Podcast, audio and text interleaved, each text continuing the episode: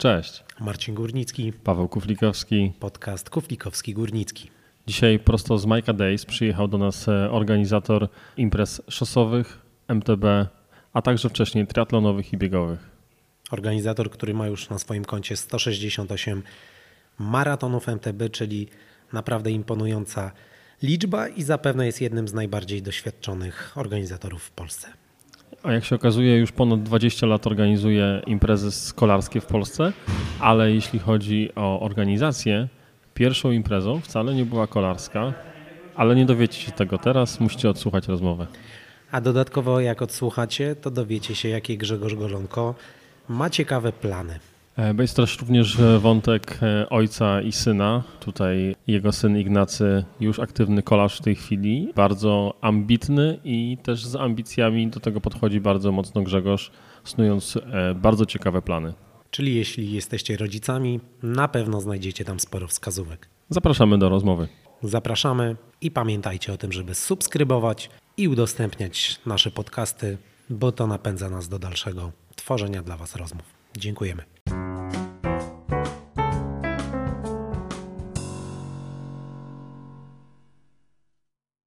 Grzegorz, przyjechałeś do nas e, praktycznie prosto z Majka Days. E, jak podsumujesz tą imprezę? Choć oczywiście nasz podcast tutaj akurat nie jest tak bardzo szosowy, jednak jesteśmy bardziej off-road, no ale nie możemy zacząć od e, imprezy, którą właśnie masz na swoim koncie zaliczoną.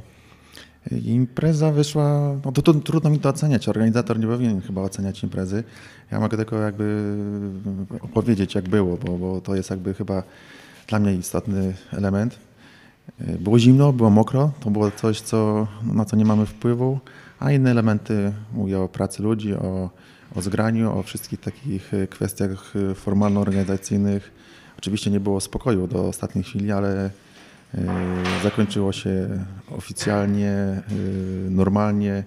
Nikt na nikogo nie krzyczał i to jest jakby dla mnie też e, bardzo, bardzo ważny element. Patrzę na opinie na forach, na E, na Facebooku, na Instagramie większość jest zadowolona, oprócz mieszkańców, no ale tam e, lokalny samorząd powiedział, że no, tydzień muszą pokrzyczeć, a przez miesiąc rozchodzą i będzie normalnie. A czemu mieszkańcy narzekają? Bo korki? Bo zamknięte miasto? Tak, no zamykamy drogi, zamykamy, yy, zmieniamy organizację ruchu, autobusy jeżdżą innymi liniami, panie, panie i panowie czekają na przystanku na autobus, autobusu nie ma, rozwijają się, że tak powiem, później w internetach, że organizacja jest słaba. No, to z drugiej jest strony przecież to jest impreza, która mimo wszystko też promuje region. E, jest impreza wielodniowa, więc przywozisz uczestników, którzy e, nocują, jedzą, no, konsumują, mówiąc to tak bardzo przyziemnie. No to jest benefit dla, dla okolicy, dla, dla wszystkich wokół, tam na miejscu, nie? Znaczy wiesz, no benefit jest dla osób, które z tego bezpośrednio korzystają. Hotelarze, restauracje, stacje benzynowe tak, ale taka pani, która jedzie E, nie wiem, zrobić pedykir, zdobczy do myślenicy, jest zdenerwowana, że nie może dojechać i mimo, że była informacja dotycząca e, ograniczeń w ruchu, no, ma prawo wyrazić swoją opinię. A jak Jasne. wyraża opinię, my ją jakby przeczytamy i mówiąc bardzo kolokwialnie, e, życzymy jej dużo zdrowia. Frekwencyjnie czytałem w jakimś zagranicznym serwisie chyba 800 osób e, startowało, dobrze mówię? Znaczy w sumie pakietów e, ze startu wspólnego i czasówki było 1074, to są te osoby, które zgłosiły się, opłaciły. Wiadomo, pogoda zrobiła swoje, nie wszyscy przyjechali, nie wszyscy wystartowali, były osoby, które odebrały pakiet, a nie wystartowały. E, no tego typu sytuacje mają miejsce, będą mieć miejsce. Sam Wydaje mi się, że gdybym był w podobnej sytuacji, bym się mocno zastanowił, czy przy czterech e, stopniach e, wystartować. E, jeżeli byłaby to płaska trasa, ok, ale tam po górkach. No. Co taka frekwencja mówi o, o kondycji amatorskiego ścigania na szosie w Polsce? Co twoja impreza mówi? Jakby, co, co, co, co czujesz w ogóle, jeśli chodzi o rynek amatorskiego ścigania w Polsce na szosie?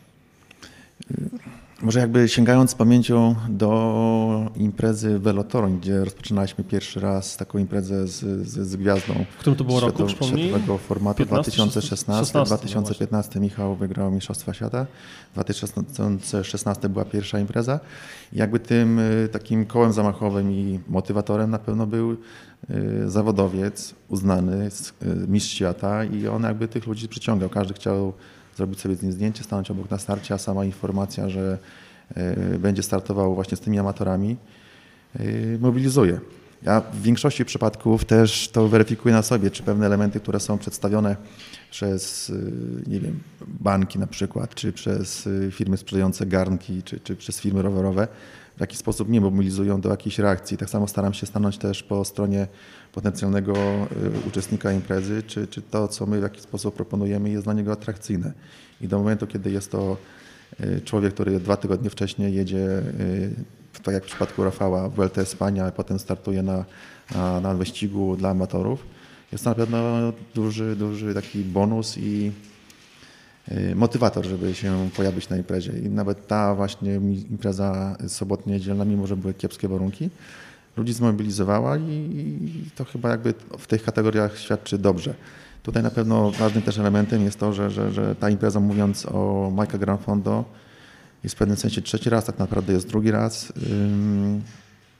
W tym roku mieliśmy grupę ponad 200 osób z zagranicy i to dla mnie też był bardzo fajny, yy, ciekawy moment, gdzie, gdzie w tamtym roku byli tylko Słowacy, Czesi, Niemcy, a w tym roku mieliśmy nawet zawodników E, chyba z Nikaragui i ze Stanów Zjednoczonych, także też jechali przez, całą, przez cały ocean, żeby do nas pojawić się i wystartować. Co jest dla nich magnesem, dla zagranicznych zawodników? E, to jest kwestia Grand Fondo, potencjału, możliwości kwalifikacji na Mistrzostwa Świata? Czy też jednak ten, powiedzmy w cudzysłowie, z tej perspektywy kraju, z którego pochodzą, egzotyka Polski, egzotyka kraju, e, atrakcyjność trasy? Cała seria UCI Grand Fondo to w tym roku jest 28 imprez w 20 chyba 6 krajach. I, i, I, nawet patrząc z mojego punktu widzenia, kiedy lat temu 4-5 też jechałem na Cypr, jechałem do, do Grecji, jechałem do Francji czy do Hiszpanii na start, y, sama ta jakby formuła imprez dla mastersów mi odpowiada podejrzewam ci, że też y, wędrują, przylatują, podróżują przez cały świat. Chcą też zobaczyć może na samym końcu inny kraj. To dla mnie na przykład pierwszy raz jak byłem w Grecji było to też bardzo emocjonujące. Tym bardziej, że start był na wyspie, niewielkiej wyspie Kos, gdzie można praktycznie było w pół godziny ją w poprzek przejechać, ale zawody były fajnie, dobrze, ciekawe, zorganizowane i, i, i ten motywator dotyczący również kwalifikacji do Mistrzostw Świata yy, robi swoje. Jak nie, na jednej imprezie się nie, że tak powiem, nie załapiesz w tym, tym, tym yy, sektorze 25% yy, zawodników z danej kategorii wiekowej, próbujesz gdzieś dalej to wszystko razem do kupy daje jakby ten taki wymiar y, i rekreacyjny, rekreacyjno-sportowy, ale też y, mastersi, y, którzy, którzy, którzy jeżdżą w tych kategoriach 40-50 lat, to w większości są to zawodnicy, którzy już kiedyś się ścigali, mają jakieś doświadczenia. Był okres, czas, moment, kiedy zakończyli ściganie i postanowili też, no wiadomo, ułożyć swoje życie. Dzieci, rodzina, ale po jakimś czasie hobby wraca i, i, i dalej się ścigają już w tych kategoriach starszych. Czy tych obieży światów, którzy podążają za kolejnymi wyścigami Grand Fondo można wrzucić do tego samego worka, co triatlonistów, którzy gdzieś tam za cel sobie obrali e, start e, na konie na przykład, na Hawajach? Tak, jak najbardziej. To są te, te, ta, ta sama grupa ludzi, mówiąc bardzo może tak troszeczkę brutalnie, ta sama grupa e, ludzi z większym budżetem, których na to stać którzy już w pewnym sensie realizują się po osiągnięciu być może wcześniejszych celów, o których wspomniałem, czyli rodzina, dzieci, taka można powiedzieć stabilność finansowa. Yy, wydaje mi się, że też wychodzą z tego samego założenia, co ja, że życie jest krótkie do momentu, kiedy możesz korzystać i jeżdżą, startują i naprawdę patrząc również na, na sprzęt, na, na to w jaki sposób są ubrani, daleko nie szukając, gdybyście mieli możliwość, chęć, popatrzcie na zdjęcia z czasówki, Y, z Dobczyc y, sobotniej, z minionej soboty. 30% ludzi startuje na sprzętach wcale nie gorszych, a w wielu przypadkach lepszych niż zawodnicy z ProTouru. Tak, no właśnie przeglądałem zdjęcia, mm. widziałem też, paru, paru znajomych startowało, także naprawdę e, na poziomie właśnie czasówki ten sprzęt naprawdę jest topowy, mm. nie? więc to, to robi wrażenie. Rzekłbym nawet, że niektórzy zawodnicy mają większą świadomość tego, co to jest aerodynamika, niż zawodnicy, którzy jeżdżą w, w, w profesjonalnych e, grupach, i mają cały sztab ludzi dookoła tak, siebie. Tak, tak, tak. No, parę elementów naprawdę niewielkim kosztem można zmienić, a ugrywając 5-6 W na, choćby na porze czołowym, to się przekona na 20 km na jakieś 12-13 sekund, a na czasówce widziałem, że były momenty, że w jednej sekundzie było czterech ludzi. Niesamowite. Grzegorz, e, popraw mnie, ale chyba zbliżamy się mniej więcej do 20 lat e, Twojego zaangażowania w organizację zawodów? Nie, zbliżyliśmy się w 2021. A, o to widzisz, źle się przygotowałem. To już prze, prze, prze, przekroczyliśmy ten rok. W takim razie, co było twoją, twoim pierwszym, e, kiedy, kiedy się zaczęła w ogóle twoje zaangażowanie w organizację e, i co było pierwszą imprezą którą, kolarską, którą zorganizowałeś? Znaczy zanim była kolarska, to najpierw była gala boksu zawodowego w Białymstoku w 2000 roku. E, no a później też z kolegą ze szkolnej ławki, ze szkoły średniej, później ze studiów z Maciem Grabkiem postanowiliśmy coś takiego zrobić, tym bardziej, że był festiwal rowerowy w Szklarskiej Porębie i tam był maraton. Maciek chyba ten wygrał maraton dwa razy z rzędu. Ja znowu przyjechałem z jakimiś doświadczeniami yy, podczas pobytu w Belgii, tam się ścigałem i gdzieś tam przysiedliśmy w spagaterii w Białymstoku na ulicy Kilińskiego. Padło hasło, że zróbmy ten maraton. Maciek w tym czasie przeprowadził się do Piechowic, więc pierwsza impreza była w 2001 roku, 15 lipca w Piechowicach. Kawał czasu. A jak, jak z boksu przechodzi się do organizowania imprez kolarskich? No, bo to nie stoi obok siebie kompletnie. Mocno nie stoi. Może inaczej. Ja nie byłem jakby takim absolutnym organizatorem. Gdzieś tam byłem odpowiedzialny za logistykę. Yy, przewoziłem zagranicznych yy, yy, bokserów, uczestników, zawodników z lotniska do, do, do, do Białego Stoku. Wtedy jeszcze byłem młodszy i pamiętam, że zrobiłem jednego dnia cztery kursy, czyli to było no niemalże cała doba kręcenia się między Białymstokiem a lotniskiem. Egzotyka, y, ciemnoskórzy zawodnicy w Białymstoku na początku 2000 roku to, to było coś, coś, coś, coś innego. Y, pewna firma chciała jakby pokazać swój potencjał absolutnie niesportowy, bardziej y, komercyjny i doszliśmy do wniosku, że ta gala boxu może być czymś, czymś nowym, czymś fajnym. To był epizod, no ale organizacja imprez rozpoczęła się właśnie od, od tego. Rower był całe życie, i przy tych rowerach byłem, jestem i, i będę. No właśnie, też fajnie, żeby wybrzmiało to, że jesteś e, kolejnym gościem, z, trochę żartujemy z mafii białostockiej w naszym podcaście, e, bo był tutaj już Wojtek Koniuszewski, mm. był Maciek Kucbora, e, jesteś kolejną osobą, więc gdzieś tam można powiedzieć, że kolarstwo w Polsce no, ma swoją jakąś taką kolebkę w Białymstoku. To jeszcze nie wszyscy, bo wspomniany właśnie nie no, Maciek, Maciek Grabek, Maciek jeszcze Grabek, Grzesiek Radziwonowski. Grzesiek Radziwonowski, więc tych pięciu ludzi, y, było wiele takich momentów, wiele dni, wiele treningów, że właśnie tych pięciu ludzi jechało gdzieś tam pod, pod, pod Supraślem y, na rowerach MTB i wtedy jeszcze nikt nie wiedział, co, co będzie, jak będzie. Praktycznie wszyscy się gdzieś tam w jakiś sposób porozjeżdżali, ale jak patrzę czasami na, na strawę w okresie świąteczno-noworocznym, to jakoś tak bywa, że przynajmniej czterech z pięciu jeździ w Białymstoku. Czyli jednak ciągnie cały czas, e, ciągnie w te rodzinne strony. Znaczy, żeby była jasność, ja nie jestem jakby rodowitym białostoczaninem. Miałem taki epizod w życiu, w ogóle moja rodzina pochodzi z Podlasia, więc e, e, między 88 a 2000 rokiem przebywałem w Białymstoku. A urodziłem się i, i, mieszkałem większość swojego czasu, większość życia w Warszawie, aczkolwiek no mówię, no 98,5% rodziny to jest Podlasie. E, teraz e, pod koniec kwietnia odbył się Puchar Polski w e, cross country w Ogrodniczkach koło Supraśla. Był to drugi memoriał Wiesława Grabka. Mhm. Czy pan Wiesław również dla ciebie jest istotną osobą w swoim sportowym życiorysie? Tak, tak, tak, tak, absolutnie. No to, to, że pana Wiesława kojarzę i bardzo cenię, to jakby też konsekwencja mojej znajomości z Maciem Grabkiem. Spotkaliśmy się w szkole średniej w technikum budowlano-geodezyjnym żeby było ciekawiej, Maciek w tamtym czasie grał w Wellingtona. Siedzieliśmy razem w ławce, ustawieni byliśmy wedle nazwisk. Tak wyszło, że ja miałem 13 nazwisko w, w, w dzienniczku, 14 siedzieliśmy koło siebie. Był jeden chyba dzień w tygodniu, chyba środa, że do szkoły przychodziliśmy na godzinę 13, więc wykorzystywałem ten czas na trening. I trening z reguły nie trwał pół godziny, tylko za 4 godziny i po prostu przyjeżdżałem do szkoły, że tak powiem, lekko nieżywy. I tak parę rozmów, parę nie wiem, spotkań i, i, wiedząc to, że też Maćka ojciec też jest przy rowerach i zostawił Babington na rzecz, rzecz roweru i gdzieś tam nawet późniejsze nasze relacje kręciły się wokół rowerów.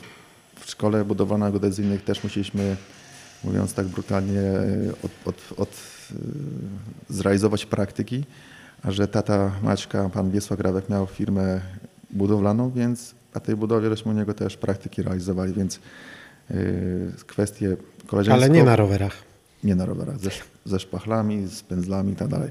Ale mówiąc, z jednej strony szkoła, z drugiej strony praktyka, z trzeciej strony rowery, a koniec końców wiedziałem, że pan Wiesław to jest człowiek legenda w Białymstoku, wielu dobrych zawodników wychował. Miał pod sobą też między innymi Bogosława Skoczenia, też tragicznie zmarłego zawodnika, który, który mając grubo ponad 2 metry wzrostu i 90 kg wagi potrafił wygrywać etapy na Tour de Pologne po górach, chyba nawet był mistrzem Polski w górach. I, i, i, i ta jakby historia pana Wiesława to, to taka, można powiedzieć, historia yy, cenna i niedościgniona w tym sensie, że, że, że każdy dążył, może jego nie tyle co następcy, ale współpracownicy, żeby wejść w te buty, które pan Wiesław przez dłuższy czas nosił, ale, ale już jak odszedł, to praktycznie nawet ten Puchar Polski, który był w ogrodniczkach, ja miałem takie wrażenie, że on troszeczkę tak był zrobiony w innej formule. Yy, no nie było tego, tego tak, tak nazwijmy to, ducha sportu. Mhm. Taka moja ocena jest. Tym bardziej, że jeszcze te zawody były organizowane ze startem z metą 200 metrów od domu, gdzie moi rodzice mieszkają. No to rzeczywiście, rzeczywiście. Byłeś u siebie praktycznie. Wyścig e. był u nas. Grzegorz, w mhm. którym momencie, e, kiedy wszedłeś w organizację imprez, po pierwsze to były imprezy w kolarstwie MTB, e, poczułeś, że to jest coś, to jest twój pomysł na życie, to jest swój sposób na życie? Na pewno nie pierwszy, nie drugi rok, bo wtedy borykaliśmy się, z, chyba każdy z organizatorów, z, z, problemami związanymi z przeprowadzeniem imprezy, mówiąc brutalnie, z, z finansowaniem całego przedsięwzięcia. Duża część oszczędności z pierwszego, z drugiego roku, czy też w pierwszym i drugim roku została przez nas jakby zużyta. Na dobrą sprawę ten moment, kiedy, kiedy można było powiedzieć, że można z tego żyć, to, była, to był rok 2000, może szósty, siódmy. Kiedy Czyli 5-6 lat od mm. początku, tak?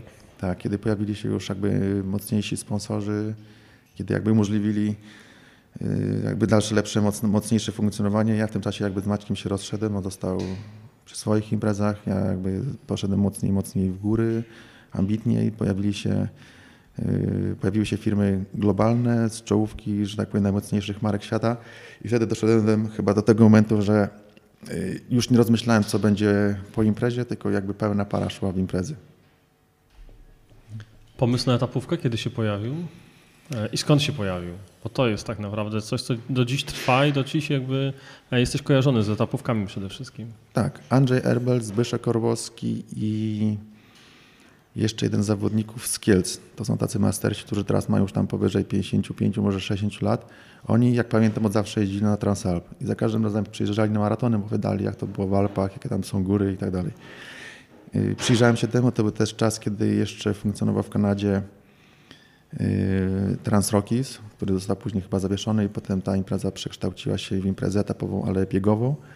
I ten Transrockies tak, taki był mobilizatorem. Myślałem, że tak, coś takiego trzeba spróbować y, w Polsce. Pierwsza impreza ruszyła w 2005 roku z gigantyczną ilością problemów, błędów, top organizacyjnych Yy, no ale kolejny, kolejny rok już było troszkę łatwiej. W tym czasie pierwszą edycję wygrał Bena Hornych, Czech, przyjazny, bardzo pozytywny człowiek. Domówiliśmy się i w następnym roku robiliśmy już imprezę, która przekraczała granice Polski i Czech. Czyli była już transgraniczna, prawda? Więc transgraniczna, potężna. Bez Schengenu jeszcze wtedy chyba? Bez Schengenu, z różnymi akcjami na, na, na przejścia granicznych, na odprawy, odprawy paszportowe, ludzie z zagranicy, którzy byli mega zdziwieni, że, że takie sytuacje jeszcze mają miejsce.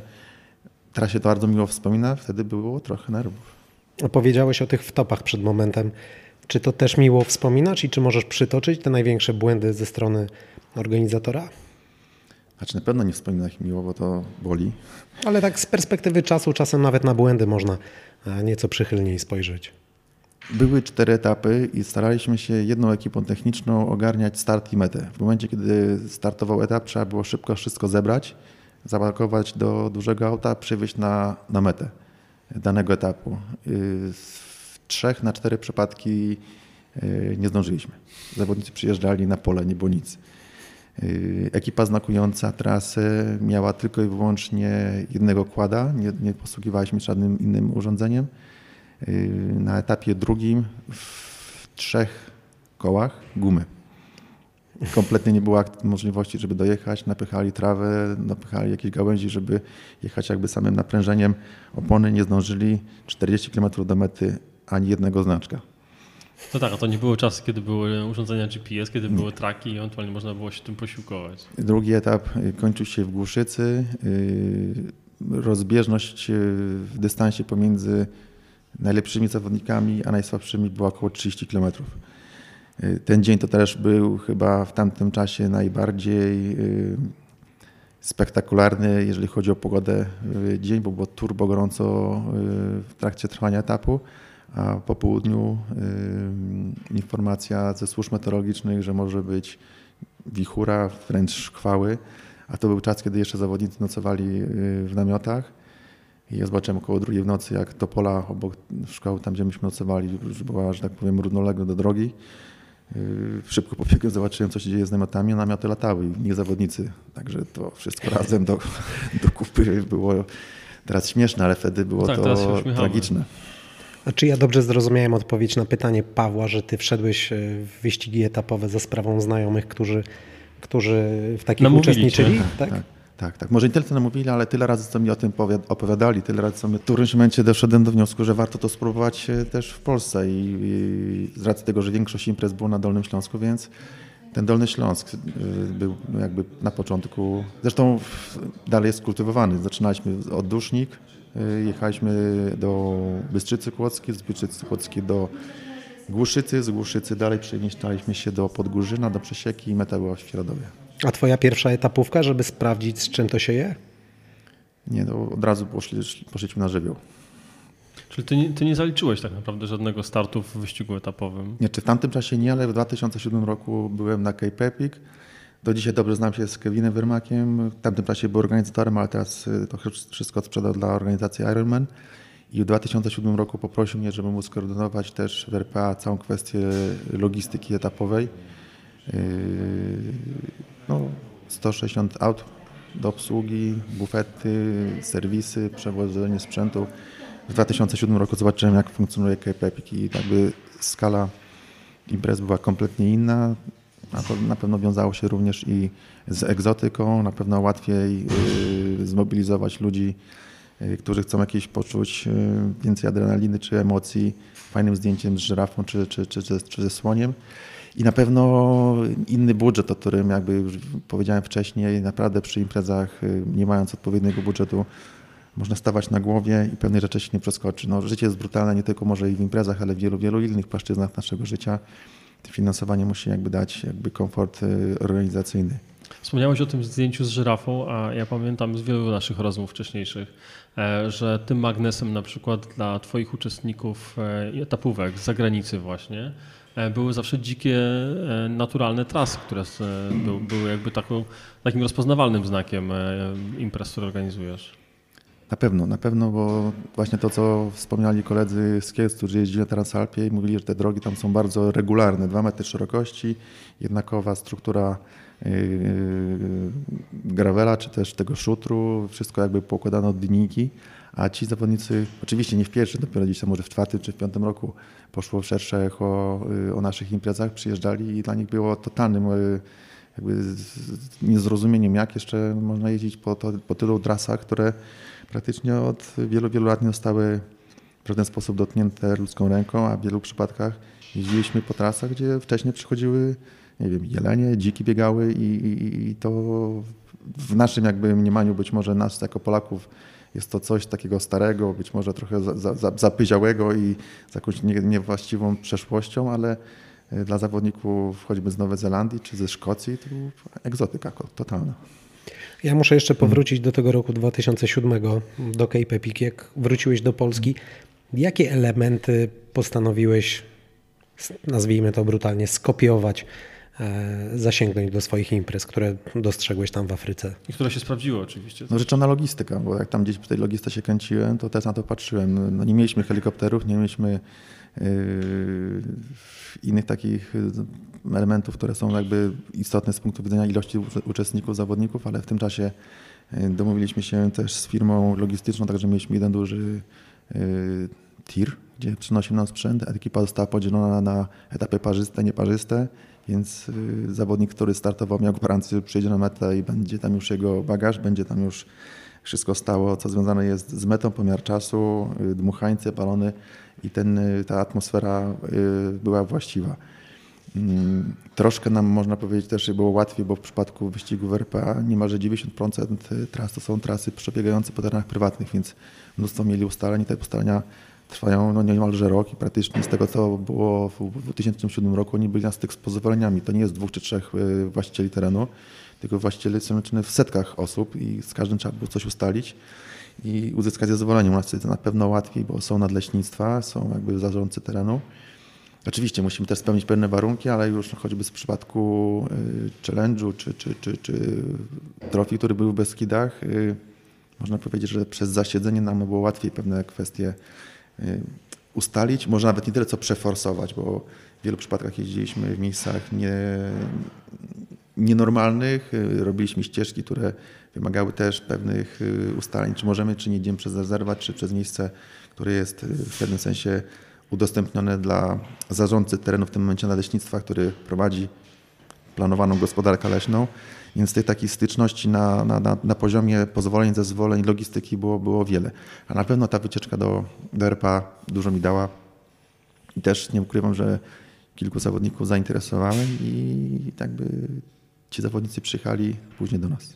Jak dobrze na szybko policzyłem, to była to trzecia edycja. Tak? Potwierdzisz? KPPIK w sensie? Tak. W tamtym czasie KPPIK jest nas rok starszy. My byliśmy 2005, to 2004 był KPPIK. Tak, tak, tak, bo w przyszłym roku 20 No lat. właśnie, tak, 20-lecie. Tak. Czy już wtedy mogłeś, znaczy czy mogłeś, czy w ogóle stwierdziłeś, że jest to organizacyjny wzór? Czy było coś, do czego ty mogłeś się tam doczepić, coś ci się nie podobało? Ja pewne kwestie chciałbym jakby, jakby może nie tyle co wyprostować, ale wyjaśnić. Y, zadęcie, zadęcie które jest wokół y, KPEPIK, informacji, które pojawiają się w mediach, sprawiają wrażenie, że ta impreza jest y, idealna. Nie to, że w jakiś sposób neguje, to impreza idealnej, imprezy idealnej praktycznie nie ma. W tamtym czasie, pamiętam, w 2007 roku Bufety były ustawiane kompletnie w dzikim miejscu i pomylenie jednej drogi na, na skrzyżowaniu stanowiło o tym, że te bufety były między sobą oddalone o dziesiątki, jeżeli nie o setki kilometrów. I drugi etap taki właśnie był, że kierowca, który dowoził y, bufet, pomylił drogi. Drogi jak to na, na, na prerii czy na pustyni po prostu są dwie bądź jedna i bufet nagle stanął 110 km w innym miejscu. I pamiętam, że helikopter dowoził y, do danego punktu, dowoził, dolatywał i zrzucał pewne rzeczy, które trzeba było tam na tym bufecie postawiać.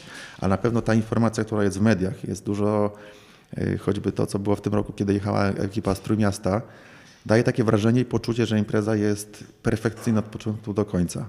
I chyba o to chodzi w, w, przekazie medialnym. Od tego są osoby, które mają to w jakiś sposób y, nagłaśniać i o tym mówić. Akurat dla KPP udaje się to najfajniej, bo znowuż nad całą kwestią promocji y, jakby czuwa firma niemiecka, która wcześniej była również przy, przy Transalpie. I... Ale dalej organizatorem K-Pepic jest ekipa, która Tour de France organizuje, tak? Tam się nie, Chyba nic nie, zmieniło. Z tego co wiem, Ironman jest właścicielem. Iron jest właścicielem, a znowuż ekipa Tour de France jest przy innej organizacji, oni są bardziej przy wyścigach szosowych. Mhm. Y, to się zrobiły miał... bardzo dużo takie konsorcja tak naprawdę w tej chwili tak. organizujące te zawody. Jest jakby cała seria y, Epic Races i też chyba od dwóch lat jest też impreza Four Islands z Chorwacji, też, też, też w tej, tej strukturze. Tak, tak. Nie ma co ukrywać, no, Cape Epic jest najbardziej rozpoznawalnym, ale y, w mojej ocenie to właśnie te żyrafy i, i, i, i słonie zrobiły bardzo dużo zamieszania, a z drugiej strony impreza, która jest w marcu, yy, praktycznie ściąga całą Europę, bo to jest pierwszy wyścig. Jest kilka innych imprez, które też są między innymi RPA. Dla mnie taki RPA to jest chyba taki, taki zalążek imprez etapowych, bo tych imprez tam jest ojejku, grubo ponad 30 i też są inne, które w pewnym sensie pojawiły się później niż Cape Epic ale znając y, kilku chłopaków właśnie z tego kraju, z południa Afryki, wiem, że oni bardziej doceniają te imprezy młodsze. Nie wiem, czy to z perspektywy wiem, pakietu startowego, czy bardziej egzotyki, czy tras. Trudno mi to do końca ocenić, ale, ale y, na pewno ten wyjazd dużo dał mi nowych jakby nie tyle co doświadczeń, ale świeżego spostrzeżenia na to, co można byłoby zaadoptować w Polsce, zrobić inaczej. Takie to może być trochę trudne pytanie. E, jak ciężko było podjąć decyzję o zakończeniu MTB, MTB, maratonu, zakończeniu cyklu maratonów? Bo etapówki trwają. Etapówki można powiedzieć wręcz rozmnażasz, bo od trzech lat mamy Muflona, a jednak Powerade MTB Marathon no, nie ma. Zostały sieroty pogolące. To dwa elementy na dobrą sprawę. Pierwszy, może nie najważniejszy, ale powiem w pierwszej kolejności, yy, mi się to już znudziło. Mhm. A druga rzecz, która też yy, z perspektywy teraz czasu myślę, że to był taki, można powiedzieć, mały ćwiek, może nie gwóźdź, ćwiek do trumny. Yy, nie zauważyłem zmieniającego się otoczenia. Cały czas dążyłem do tego, żeby te imprezy były ambitne, wymagające, dystans długi, dystans giga na jednej rundzie, żeby uczestnicy jak najwięcej zobaczyli jak najwięcej doświadczyli i żeby wyjechali z taką jakby dobrą torebką doświadczeń, a nie, a nie, a nie bagażem. A bagaż to można powiedzieć po całym sezonie mógł być napełniony tymi elementami, y, na, którymi, na których mi zależało przez wiele, wiele lat.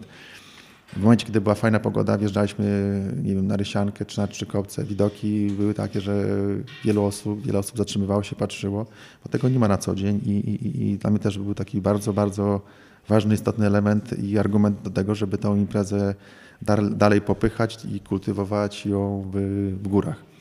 Ale nie zauważyłem tego momentu, albo przespałem, albo może troszeczkę zlekceważyłem pojawiające się dystanse krótkie, mini na, na godzinę ścigania, gdzie zawodnicy powoli z tych dystansów dłuższych, oczywiście ci, którzy byli jeździli, dalej jeździli, ale nie wpływali nowi zawodnicy, nowi uczestnicy, którzy Y, patrząc również na otaczający nas y, rzeczywisty świat, też y, wychodzili z założenia, że łatwiej i szybciej jest dojechać, pojechać, sprawdzić nogę przez godzinę, ponieść mniejsze koszty, nie trzeba zakwaterowania. I to raz, raz, drugi, trzeci, pierwszy, kolejny, kolejny rok doprowadziło do tego, że tych nowych, świeżych osób nie, nie wchodziło. Na dobrą sprawę jesteśmy już teraz grubo po jednym całym pokoleniu, które Y, zmieniło się w, w, w imprezach i widzę, że jednak ten trend do łatwego, szybkiego, można powiedzieć, byle jakiego jeżdżenia no, rośnie w całą siłę i to jest jakby coś, co mnie drażni, irytuje, ale no, jest, jest, jest, jest świat, jest życie i tak to działa, z czym się po prostu nie mogę na obecną chwilę zgodzić. Ale też trzeba chyba powiedzieć, że przy dystansach mini, tak jak mówisz, tej godzinie ścigania, czy powiedzmy w górach półtorej godziny, tak naprawdę nie ma szans wyjechać w góry i zobaczyć tych e, zapierających dech w piersi e, widoków chociażby. No tak, no, no też pojawiły się te imprezy, które są organizowane przy większych aglomeracjach i to jest właśnie to miejsce, gdzie tata, mama, rodzice rano, y, że tak powiem, wyjadą i po południu są w domu i to, co mieli zrobić od strony takiej sportowo-rekreacyjnej zaliczyli, następnego dnia muszą pójść do pracy. Y, w góry już trzeba jechać z jakimś planem, z jakąś, nazwijmy to też, i, i logistyką, logistyką przygotowaniem. I z drugiej strony to, co jest y, czasem poprzedzającym sam start wyścigu w górach, no to jest czas, który trzeba poświęcić na trening. Żeby jechać, nie wiem, dystans giga w górach na poziomie 4-5 godzin, uśredniając, wydaje mi się, że w granicach 12-15 godzin w tygodniu gdzieś tam na tym rowerze trzeba pojeździć po to, żeby nie zapomniał mięsień, że, że musi się na koniec tygodnia zmęczyć. I o ile jeszcze parę lat temu było to rzeczą bardzo normalną i, i, i można powiedzieć wręcz klasyczną, Trudno mi to ocenić, to jest pędza nowoczesnością, czy, czy zmieniają się y, czasy, że wszystko jest łatwiejsze, szybsze, lżejsze. Jakoś no, dla mnie to nie trafia. W, w wielu rozmowach tak naprawdę wybrzmiewa to e, z Kubą Krzyżakiem, z Michałem Bogdziewiczem.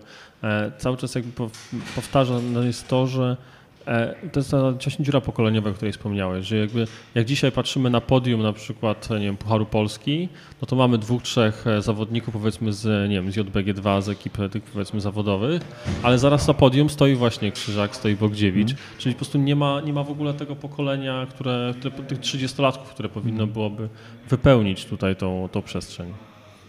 Ubolewam nad tym wszystkim, bo ileś tam pracy zostało wykonane. Nie mówię o sobie, mówię o innych organizatorach, po to, żeby gdzieś tam mocniej to y, rozkręcić, mocniej wypromować. Y, zostały niektóre jeszcze imprezy troszeczkę ambitniejsze, ale jak teraz widzę, że dystansem najbardziej popularnym to jest dystans na poziomie 35-400 km, to tak trochę y, zniechęcam się i być może ten moment, że, że, że, że rezygnacja nastąpiła w 2000 2017 roku była spowodowana tym, że tych ludzi z ambicjami, czy też ludzi, którzy chcą więcej niż nakazują takie, nazwijmy to, normy jakościowe, mówiąc w tym złym słowa znaczeniu, jest ich coraz to mniej i, i ta byle jakość wypiera jakość. A z czego to wynika, jak myślicie? Wydaje mi się, że to jest ogólnie pojęty postęp cywilizacyjny. Kiedyś, żeby zrobić przelew bankowy, musiałeś usiąść przy komputerze albo jeszcze wcześniej pójść do banku. A teraz dwa razy klikniesz blika i masz to załatwione szybko. Yy, kwestie nie wiem, zakupu biletu do, do autobusu też nie musisz nic robić, masz aplikację. I tak samo kwestia roweru. Kiedyś rower, żeby był sprawny, musiałeś z pół godziny do godziny siedzieć w garażu, w piwnicy, go szykować. Nie było żadnych uszczelek sterów czy, czy, czy supportu. Każdy, każda wycieczka, każda jazda w wodzie skutkowała dwugodzinnym pobytem potem yy, we własnym, prywatnym, można powiedzieć, serwisie, a teraz jest to wszystko ładnie uszczelnione, wystarczy tylko pojechać na menu, uszczel, wszystko jest uszczelnione, jest to szybsze. Do tego dochodzi kwestia prądu, do tego dochodzi kwestia yy, urządzeń nawigacyjnych, Mam, tak, no mam kolegę 40 kilkulatka, który nie korzysta z nawigacji, dalej jeździ z mapą i, i trafia. A ja osobiście bez nawigacji już teraz nie trafię. I to ta, ten postęp, o którym wspominam, jakby wymaga pewnych zmian i te zmiany Ułatwia, również... uproszcza życie trochę. Nie? Zaraz niektórzy nie będą w ogóle wiedzieli, co to mapa. Taka papierowa, wiadomo. Mówię też na poziomie też moich dzieci i w momencie, kiedy młodszy syn zaczął na rowerze jeździć, do momentu, kiedy nie dotknął urządzeń elektrycznych, y, był innym człowiekiem. Teraz y, przed wyjazdem sprawdza, czy są baterie naładowane. Dla mnie to jest oczywiście dobrze, to sprawdza, bo, bo jakby jakby wracać bez y, albo z jakimś tam przełożeniem nie do końca komfortowym byłoby to trudne. Ale to też nie jest do końca dobre, kurczę. Nie pasuje mi to. Taki, taki trend. Grzegorz, e, kolarstwo, kolarstwo cały czas tutaj te wszystkie tematy e, i mam wrażenie, że tak jak się znamy trochę, e, jeździsz na szosie, jeździsz na torze, jeździsz na przełaju, e, jeździsz na rowerze górskim. E, każda dyscyplina, każda odmiana kolarstwa jest ci bliska? Najbliższa jest szosa. To, że jest MTB, to jakby konsekwencja rzeczonej wcześniej jakby styczności z Maćkiem. Wygrał festiwal rowerowy jeszcze za za czasów ekipy Bike Action i, i te rowery MTB się pojawiły. Ja też chyba w 2004 roku nawet startowałem w tych maratonach i, i, i, i stawałem na podium, a to już jakby historia.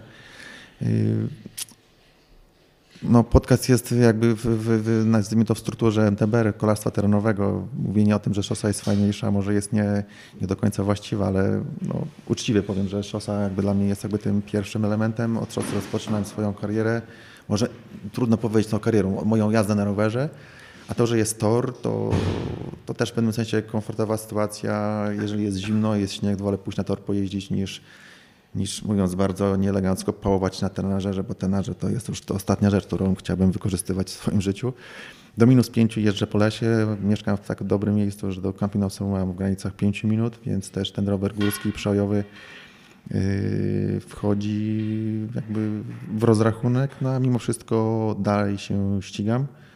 Yy, w okresie przodowawczym były przełaje. Yy, teraz jak syn starszy zaczął na rowerze jeździć, też jeździliśmy razem z nim etapówki i, i, i to, co wspomniałem, dla mnie mimo wszystko jest to szosa. Powiedziałeś kilka chwil temu o zawodnikach, którzy przygotowują się do dystansu giga, że powinni poświęcić 12 do 15 godzin tygodniowo na trening. To ty ile poświęcasz? Znaczy, to byłaby sytuacja idealna. Ludzie, którzy tam chcą stać na podium albo być na pierwszej dziesiątce, no to jest taki czas w mojej ocenie optymalny. Zakładając, że w sobotę trzeba dojechać, a w niedzielę wystartować, czyli mają 5 dni. Czyli zakładając 5 dni, y, te 12 godzin, czyli mamy ile? Po trzy niecałe tam 2,5 godziny dziennie, mhm. dzień w dzień. Wiadomo, że nie każdego dnia się będzie jeździło, więc to jest taka idealna sytuacja. Ja na obecną chwilę mamy, który mam dzisiaj, 10, 9, 10 maja. maja. Jest tam, tam blisko 5000 km przejechanych na, na szosie i też jakby nie, nie, nie jestem jakby teraz na etapie, żeby y, bardzo precyzyjnie szykować się do jakiegoś startu, bo wydaje mi się, że na tym etapie, na którym jestem, nie wiem, może 2-3 tygodnie intensywnego treningu i z grupy nie strzelę. I będę gdzieś tam z nimi, swoimi kolegami rywalizował. No ale tak jak teraz wspomniałem wcześniej, starszy syn na rowerze jeździ, więc gro moich treningów to są treningi razem z nim. Jest to na poziomie 6-7 godzin ćwiczeń, gdzie weekend to też jest start.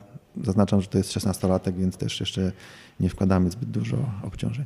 Ale Ignacy już urywa ci z koła, czy jeszcze jednak... E... nie ten moment. Jak nie poćwiczyłem, to parę razy mnie urwał i, i w Hiszpanii, i w Górach Sowich, ale jak już poćwiczyłem, to, to, to nie, to nie. Ale to możemy teraz się uśmiechać i z tego się jakby śmiać, ale yy,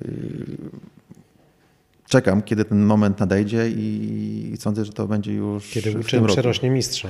To będzie w tym roku i to będzie ten moment, kiedy, do którego też dążę i czekam, żeby, żeby, żeby nie to, że czekam na zasadzie, że będę mniej ćwiczył, będę dalej ćwiczył, ale rozwija się i idzie to bardzo, bardzo sprawnie. Wiele lat grał w tenis, po 8 latach odstawił tenis, powiedział, tato w tym domu nie ma, nie było i nie będzie tenisa. Rower, kupuj rower. Więc rok jeździ, rok ćwiczy, yy, rokuje. Geny ma, no bo tak naprawdę też powiedzmy tutaj, e, też masz na koncie, co da w Mastersach, ale koszulkę Mistrza Świata. No, geny ma, w, domu cały czas rowery, gdzie się nie ruszysz to rower, rower, więc jakby ten, ten gen taki zmysł jest, a gen związany z, z, z, badaniami, czy też to, co jakby stanowi o tym, że będzie wartościowym bądź niewartościowym kolarzem, robimy badania, weryfikujemy, także nie jest to poziom na obecną chwilę y, Pogaczara, znając jego y, cyferki. Jest to poziom niższy, no ale zakładam, że y, oprócz tego, że są geny, to też jeszcze jest praca i tą pracą też można dużo, dużo zrobić. Do tego dochodzi jeszcze spryt i intuicja, e, co w peletonie też pewnie jest nie, tak, tak, tak. niebagatelne.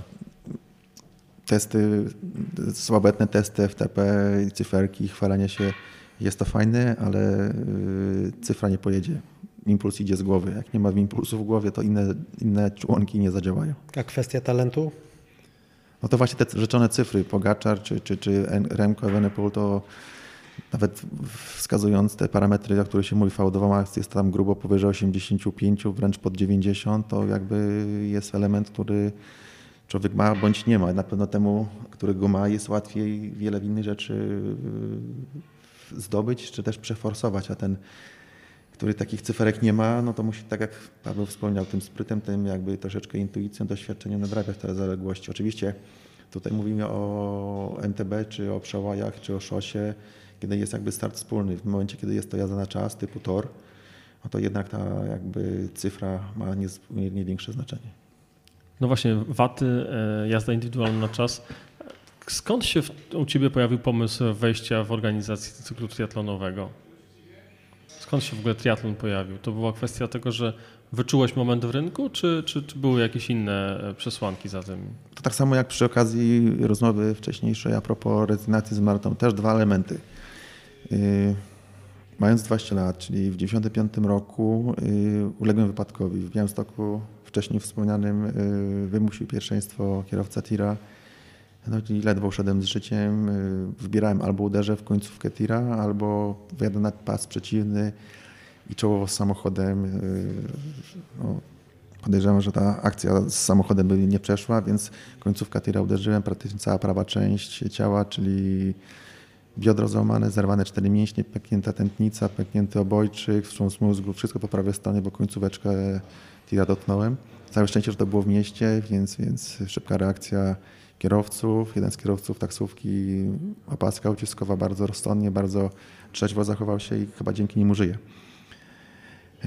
Ileś tam miesięcy rehabilitacji, wyciągi itd., tak itd., tak ale w tym jakby stadium ostatnim rehabilitacji było powiedziane najlepiej, żeby nie obciążać całego systemu, to basen. Więc zacząłem chodzić na basen, to w tej samej grupie widziałem ludzi, którzy szykowali się do triatlonu. I ten triatlon gdzieś tam na początku funkcjonował w ramach rehabilitacji i nawet wystartowałem w dwóch triatlonach, właśnie w Białymstoku i później... To była końcówka lat 90., rozumiem. Mm, to był 96 rok. Szósty nawet. Tak, 96 rok. Triatlon był w Białymstoku pierwszy, drugi był w Sopraślu i pamiętam triatlon w Sopraślu wygrałem.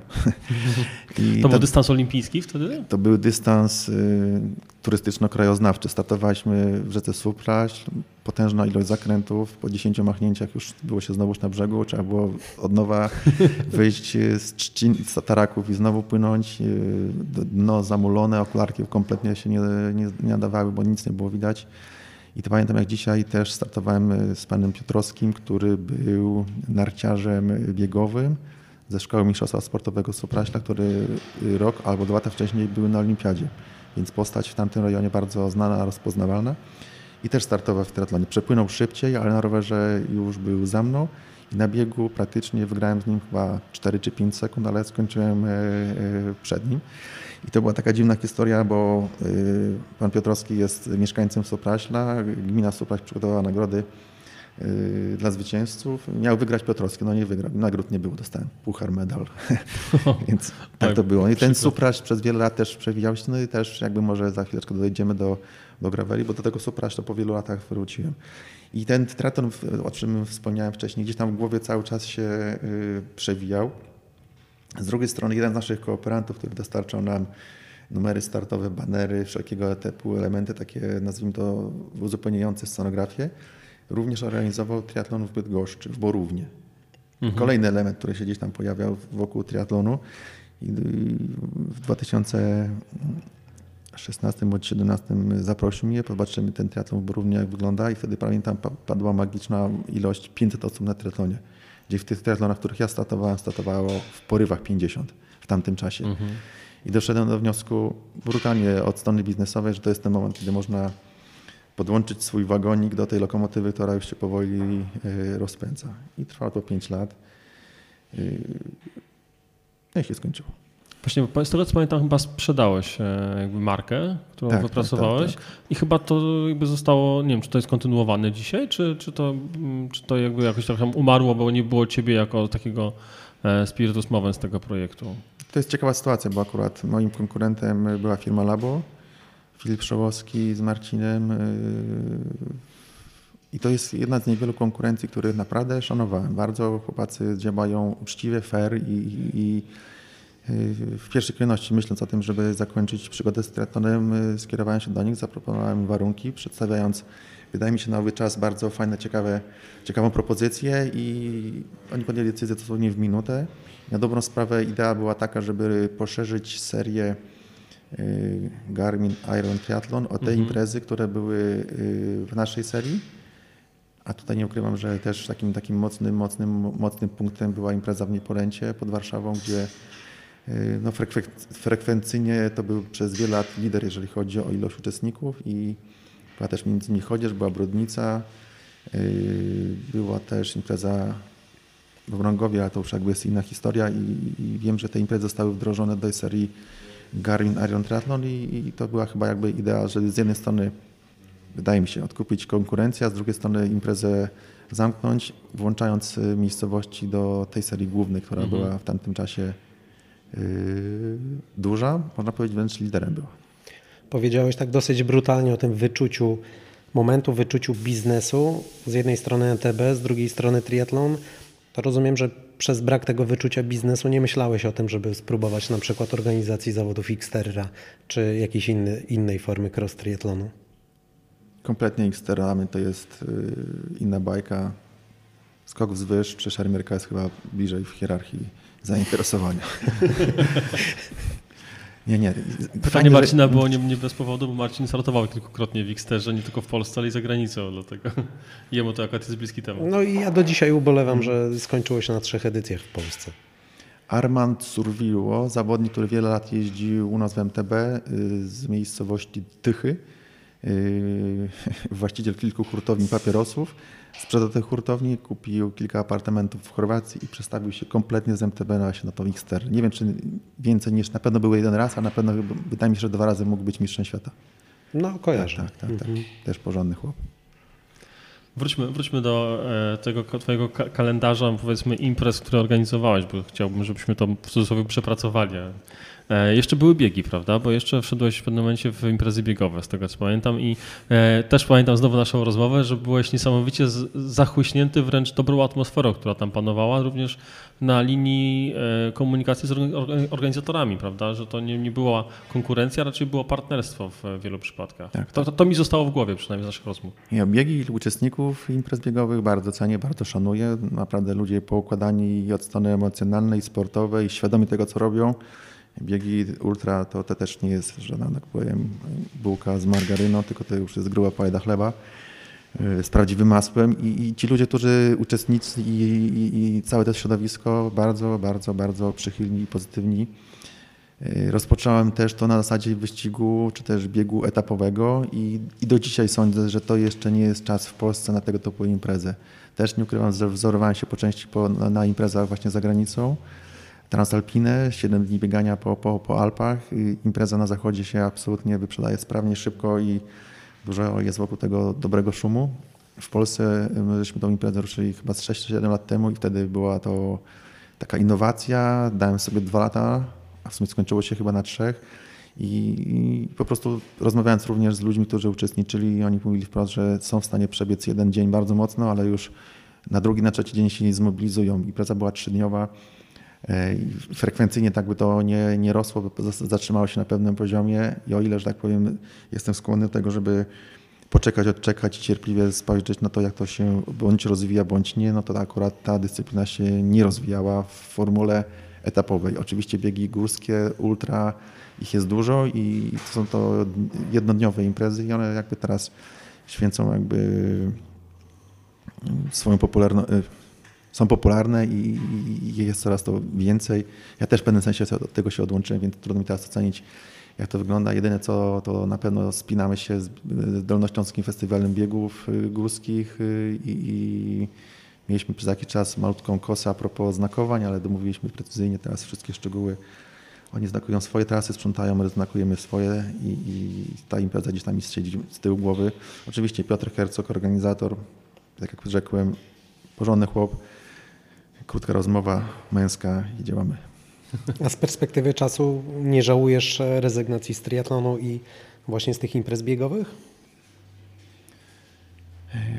Gdybyś na przykład dał sobie trochę więcej czasu? Tak, tylko że w którymś momencie, jeżeli jeszcze mówiąc tak dosadnie, lat temu 10 chwytałem wszystko tak bardzo nieelegancko, co się, co się rusza, doszedłem do wniosku, że nie ma sensu mieć tych pięciu srok, czy tam dziesięciu i każdą za ogon chwytać chwyć jedną, maksymalnie dwie rzeczy i zrób to od początku do końca yy, dobrze.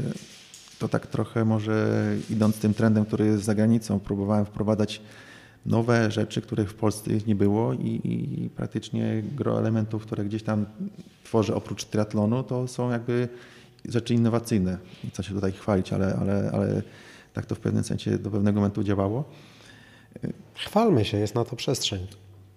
To jeżeli się chwalimy, to też powiem o drugim elemencie. W momencie, kiedy pojawiła się y, impreza Beskidy MTB Trophy w 2007 roku, y, założenie było takie, żeby jeździć i zminimalizować logistykę. Kompletnie rzecz, która wpadła do głowy mi dosłownie gdzieś tam w sekundę jadąc na rowerze, żeby nie ma sensu się przemieszczać, znowu przewozić toreb i tak dalej, tylko zostaniemy w jednym miejscu. To był czas, kiedy mocno współpracowałem z Wieśkiem Legierskim, on był odpowiedzialny za trasę, z Bobem Damkiem, z słynnym Bobem Damkiem, który kiedyś swego czasu zrobił czeski skrót. Yy, I, i, to, I to działało i dwa lata później w tym samym kierunku poszedł właśnie kolega z, z, z Kevin, i też zminimalizował logistykę, robiąc etapy, niektóre nawet po y, trzy etapy w jednej miejscowości. I to też była jakby ciekawa sytuacja, bo żeśmy rozmawiali, on powiedział, że nie ma sensu tego przemieszczać, skoro są miejscowości, gdzie można spokojnie dwa albo trzy etapy y, poprowadzić to czemu z tego nie, nie, nie spróbować? I to w pewnym sensie jakby jest to, co pojawiło się w 2007 roku. Po 15 latach przeszło jakby do takiego realu, bo, bo challenge od ubiegłego roku też już nie jest imprezą z logistyką, zostajemy w jednej miejscowości. Więc to, tak? to, co było w Trofi, to przeszło na, na challenge i tak samo ta impreza etapowa Muflon po singlach w masywie Śnieżnika jest imprezą, y, jak my to nazywamy, zero logistyczną. Mm, jeszcze tak, zanim dojdziemy do tego, co w tym roku, co, co jakby, jakie są Twoje plany, jeśli chodzi o organizację, e, pandemia. E, to był czas dla Ciebie na, pełen niepokoju, czy czas na refleksję właśnie w tym, co organizujesz i e, czas na poukładanie tego? Na dobrą sprawę to był pierwszy rok, pandemia była w 2020, 20, czyli pierwszy rok, kiedy kwiecień i maj od 19 lat mogłem spać dłużej niż 5 godzin.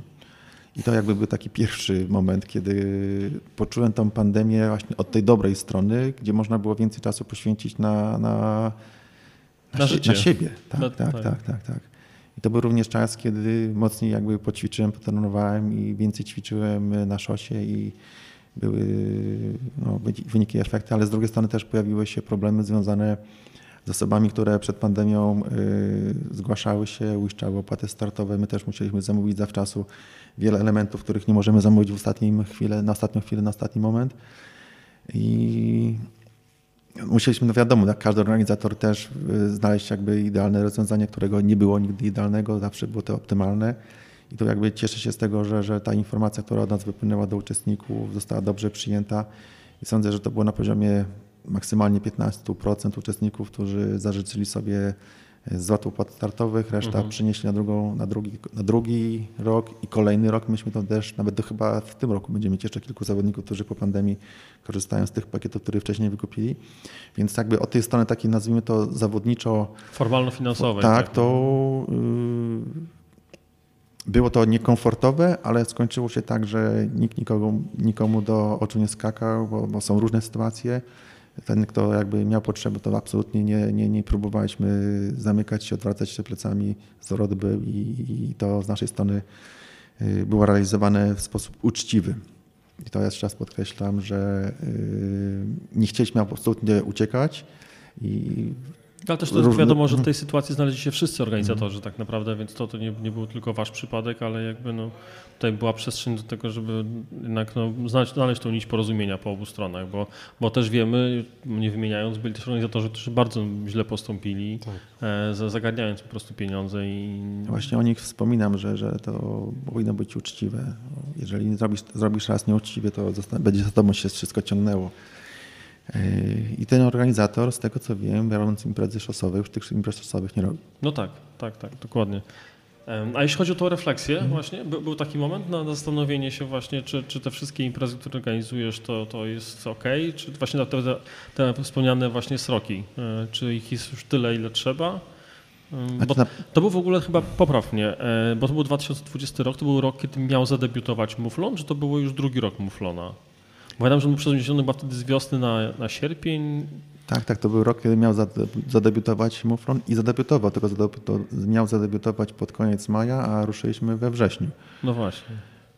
I to, co dla mnie było jakby parodią tego całego COVID-u, bo, bo składając dokumenty w tamtym czasie, gdzie teraz tego nie musimy robić, a składaliśmy dokumentu do stacji sanitarnej epidemiologicznej, pani powiedziała, żeby ta pierwsza grupa niech będzie w maseczkach, bo jak będzie ktoś robił zdjęcie, to zobaczą, że są w maseczkach, a ci z tyłu to niech się, niech się nie pokazują. I to była jakby formalność dla mnie, która była paranoją tego całego zamieszania z pandemią, bo to, co się tam w tamtym czasie działo i, i, w następnym roku też jeszcze było konsekwencją przy, przy imprezie trofi i zezwolenia z sanepidu kompletnie nie wnosiły nic, a wnosiły tylko i wyłącznie zamieszanie w stosunku do instytucji nadrzędnej wydającej zezwolenie na, na imprezy, więc y, to było jakby parodią, którą ktoś tam pewnie u góry wymyślił.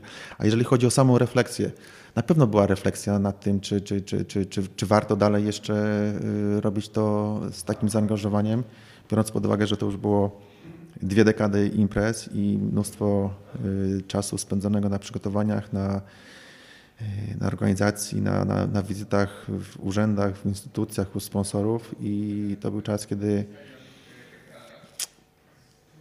pewne rzeczy zostały przełożone w taką jakby formułę bardziej prywatną. Doszedłem do wniosku, że już nie będę dbał o te przysłowiowe pomarańcze bez pestek czy, czy, czy, czy banany, które wiele osób y, pamięta, że były prosto z, dęba, z drzewa zdejmowane, bo, bo, wiele razy się trafiało w hurtowniach zielone banany. I doszedłem do wniosku, że jeżeli ktoś chce ma ochotę, ma taką, można powiedzieć, wenę, żeby wystartować, to nie będzie patrzył na te niuanse związane bezpośrednio z zawartością pakietów startowych, czy to, co zawsze stanowiło o tym, że impreza jest dobra oceniana y, na podstawie tego, co dostało się oprócz numeru startowego. I to był czas, kiedy, kiedy doszedłem do wniosku, że jednak y, kto ma wystartować, ten wystartuje i już nie miałem takiego ciśnienia, żeby na, na siłę zapraszać, troszeczkę nabijać ludziom makaron na uszy, bo to, to, to chyba ten czas minął. No też trzeba przyznać, że twoje imprezy MTB, jeśli mówimy o etapówkach, one zawsze bronią się trasami. Tak, to jest podstawa. Zawsze powtarzam dla osób, które znakują, żeby to było porządnie poznakowane, bo nawet jak będzie ładna hostessa z dużymi, brutalnie powiedziawszy, cyckami na mecie, czy super fajne nagrody, yy, nie będzie to ten element, który za... zatrzyma tego uczestnika. Zatrzyma, czy też umożliwi mu potem powrót do tego, co, co, co przeżył, bo nagrodę dzisiaj się ma, za pół godziny się nie, nie pamięta. A to, że gdzieś tam na trasie trzeba było przejechać, podejść po to, żeby zjechać, po to, żeby później coś y, na mecie z innymi omówić i przedyskutować, y, to jest to, co, co, co żyje i te, ta grupa, o której wspomniałeś, sieroty po tych naszych maratonach, y, miło się wspomina, że, że, że imprez już nie ma od wielu, od wielu lat. A wspominki a propos szczawnicy i śniegu w czerwcu na, na, na Durbaszce do dzisiaj żyją swoim życiem to jest ponad wszystko i to jakby dla mnie jest to bardzo ważny element, że ludzie, którzy startowali, jeździli, cały czas to pamiętają. A jak, powiedz, jak na przestrzeni tych lat, dawno sięgając pamięcią, kiedy zaczynałeś e, organizować imprezy, a teraz jak zmienił się profil uczestnika? No, zmienił się drastycznie. No, drastycznie. Szybko, krótko i medal na mecie zmienić się drastycznie nie y, elementy, które stanowiły same w sobie lat temu 15 o jakości imprezy, czyli właśnie rzeczone widoki, trasy, trudność, y, pokonywanie tych trudności. Może tak teraz to są bardzo górnolotne słowa, ale kiedyś to było bardzo nośne. A teraz ciach, ciach, ciach, szybko do domu i nawet z tego, co nawet widziałem, nawet ludzie nie zabierają, nie, nie, nie stawiają rowerów w domu, jak tylko brudne wkładają, żeby szybko do domu wrócić. Nie wiem, czy to jest kwestia też, to czytałem też na, na, na Twoim forum, Paweł, a propos właśnie tych dystansów, które zostały poskracane i argument człowieka, że ma rodzinę i musi szybko wracać, też nie ma czasu, bo, bo, bo ma rodzinę, nie jest dla mnie argumentem, który powinien w jakiś sposób być y, na forum publicznym y, pokazywanym. Niewiele jest osób, które nie ma rodziny. Każdy z nas ma rodzinę, każdy z nas ma. Tak, to jest taki trochę truizm, nie? Tak jeżeli chcesz coś robić, to rób to od początku do końca tak, żeby i ta rodzina była świadoma, że to robisz. Ja mówię też po swojej, jakby po swojej żonie. Ona mi czasami przypomina, że muszę golić nogi. Ona mi przypomina, że jest trening i czas na to jest, żebym już wyszedł. Yy, teraz jak jeździ, jeździmy z synem, to pyta się, kiedy zrobić obiad. Więc tą rodzinę można ułożyć, można w jakiś sposób sobie to wszystko zaszeregować i nie argumentować yy, jakby bytności bądź niebytności na rowerze, czy bytności bądź niebytności na imprezie tym, że mam rodzinę, więc muszę wszystko skracać. No nie, to jest tak jak mówisz, truizm, uproszczenie sytuacji yy, i próbowanie, nie wiem, usprawiedliwienia swojej niemocy, czy też swojego Tym bardziej przecież, że e, te 15 lat temu, no przecież nawet 10 lat temu e, osoby, które startowały w, u, u Ciebie, czy w mhm. jakichkolwiek innych zawodach na dużych dystansach, też miały rodziny, też miały dzieci, miały zobowiązania e, i tak naprawdę no Dzisiaj... i, było, i było też trudniej wtedy, no chociażby dotrzeć na taką imprezę, bo to infrastruktura Grzesiek, drogowa... Kiedyś, żeby wysłać przelew, te, nawet 10 hmm. lat temu, to trzeba było wpisać druczek i pójść do banku. Tak. Dzisiaj się klika, więc tak naprawdę oszczędzamy masę czasu dzięki hmm. temu, że mamy masę aplikacji w telefonie, ale jednocześnie e, no, trwonimy masę czasu. No właśnie siedzenie i pisanie takich rzeczy, to żeby napisać coś z głową, to trzeba przeczytać, żeby nie wejść na, na, na, na głupka i ten czas poświęcamy na rzeczy banalne, w mojej ocenie zajmując się czymś, co sprawia tobie satysfakcję się tym fascynujesz, lubisz to robić. Albo, tak jak mówię wcześniej, wspomniałem, zajmujesz się czymś od początku do końca. Oczywiście, żeby nie przejść w skrajność, żeby, żeby też nie trenować po 10 godzin e, dziennie, bo to też jakby ma swoje negatywne strony. Ale ten umiar i logika jakby ułożenia tych pewnych elementów nie stanowi w mojej ocenie kompletnie żadnego problemu i szukanie w tym wszystkim jakby dodatkowego drugiego dnia jest bzdurą. Prosta wymówka. Hmm. Rozwiń proszę wątek, bo mnie zaciekawił tego, że żona przypomina o goleniu nóg.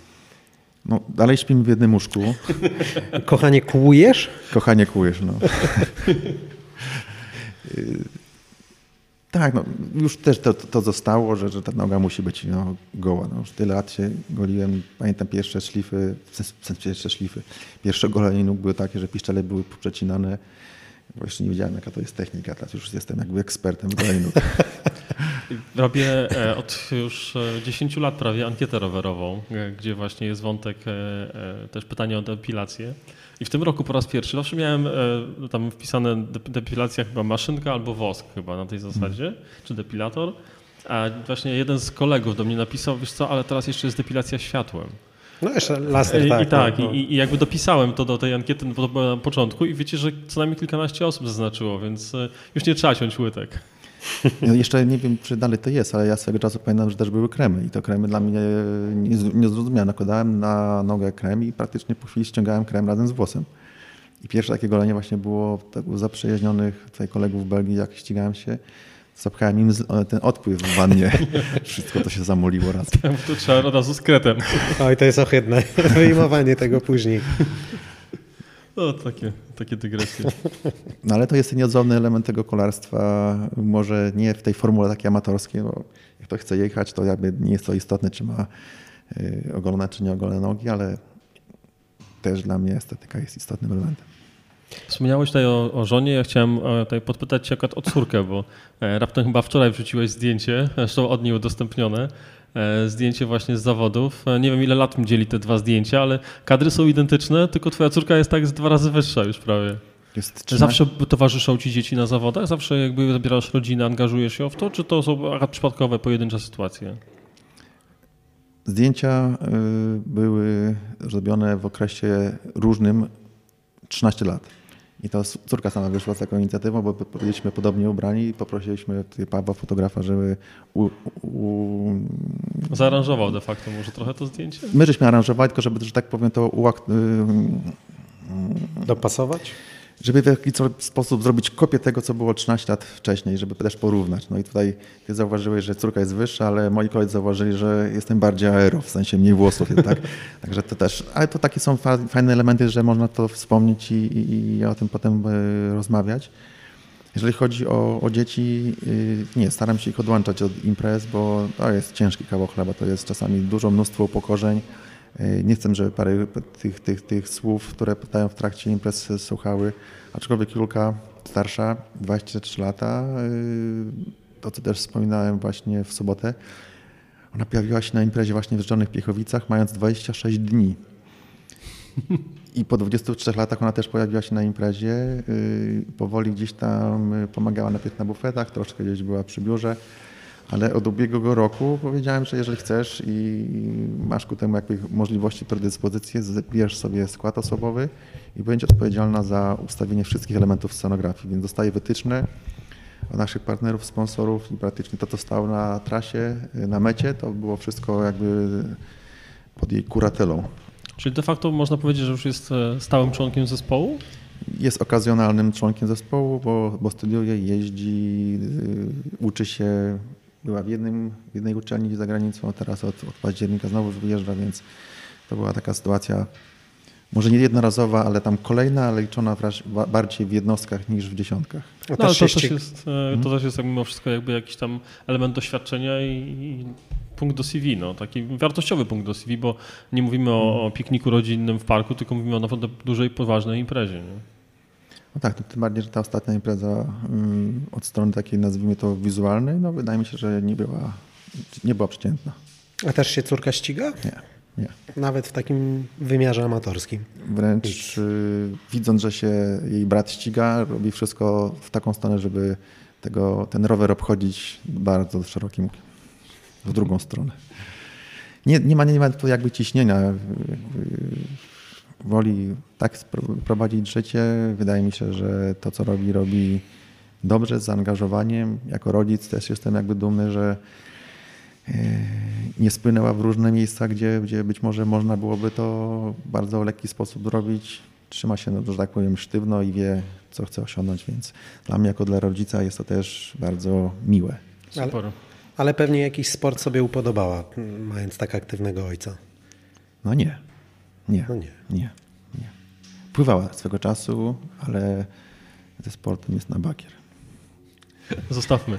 E, wróćmy, wróćmy do, do, e, do Twojego kalendarza na ten rok. E, zaczęło, zaczęło się od Majka Days i kończy się imprezą Rafała Majki. Dobrze, dobrze to kojarzę w tej chwili? Tak.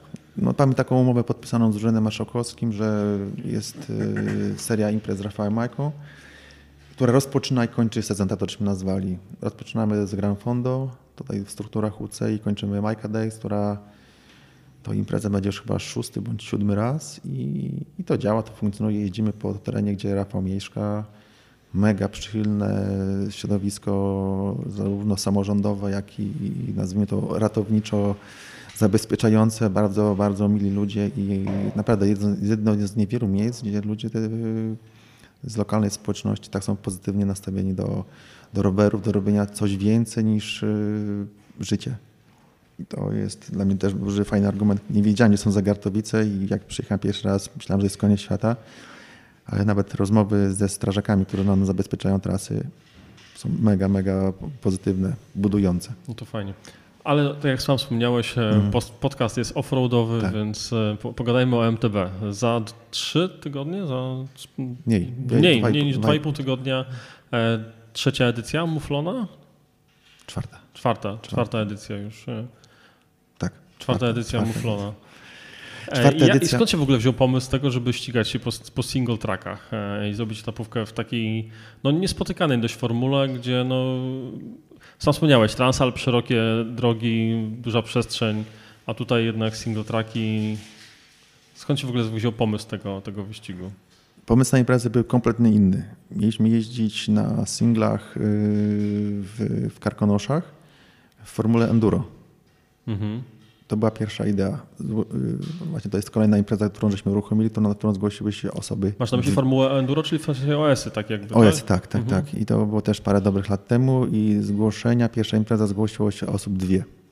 Więc imprezę żeśmy nie ruszyli i przez dwa lata, przez trzy lata impreza była uśpiona, ale był to ten czas, kiedy przez te trzy lata, kiedy imprezy nie było, y, w masywie Śnieżnika pojawiły się pierwsze single, które były również jakby koordynowane, tworzone przez chłopaków z Srebrnej Góry. Mhm. I ten okres, kiedy, kiedy też jeździliśmy z Challenge, widzieliśmy jak to się wszystko bardzo sprawnie rozwija. Inna sprawa, że też naszym partnerem przy imprezach etapowych była miasto, było miasto Kudowa. Mhm. Pan ówczesny burmistrz Czesław Kręci-Chwost, kolejny pozytywny człowiek, jakby, z którym miałem styczność, wspomniał, że coś takiego jest tworzone. Czy być może nie warto byłoby też to gdzieś podłączyć do innych naszych imprez. I kiedy planowaliśmy kolejny rok, okazało się, że właśnie masyw Śnieżnika, Góry Bialskie, może Góry Bialskie w mniejszym stopniu, ale Góry Złote plus Góry Barckie, jakby dawały już możliwość przeprowadzenia takiej imprezy, gdzie w założeniu 60-70% byłaby to jazda po singlach. I w pierwszym roku od razu można powiedzieć, że impreza zatrybiła, zaczęła fajnie, fajnie działać. I żebym teraz jakby dobrze to wszystko powiedział, bo, bo żeby ktoś na mnie się nie obraził.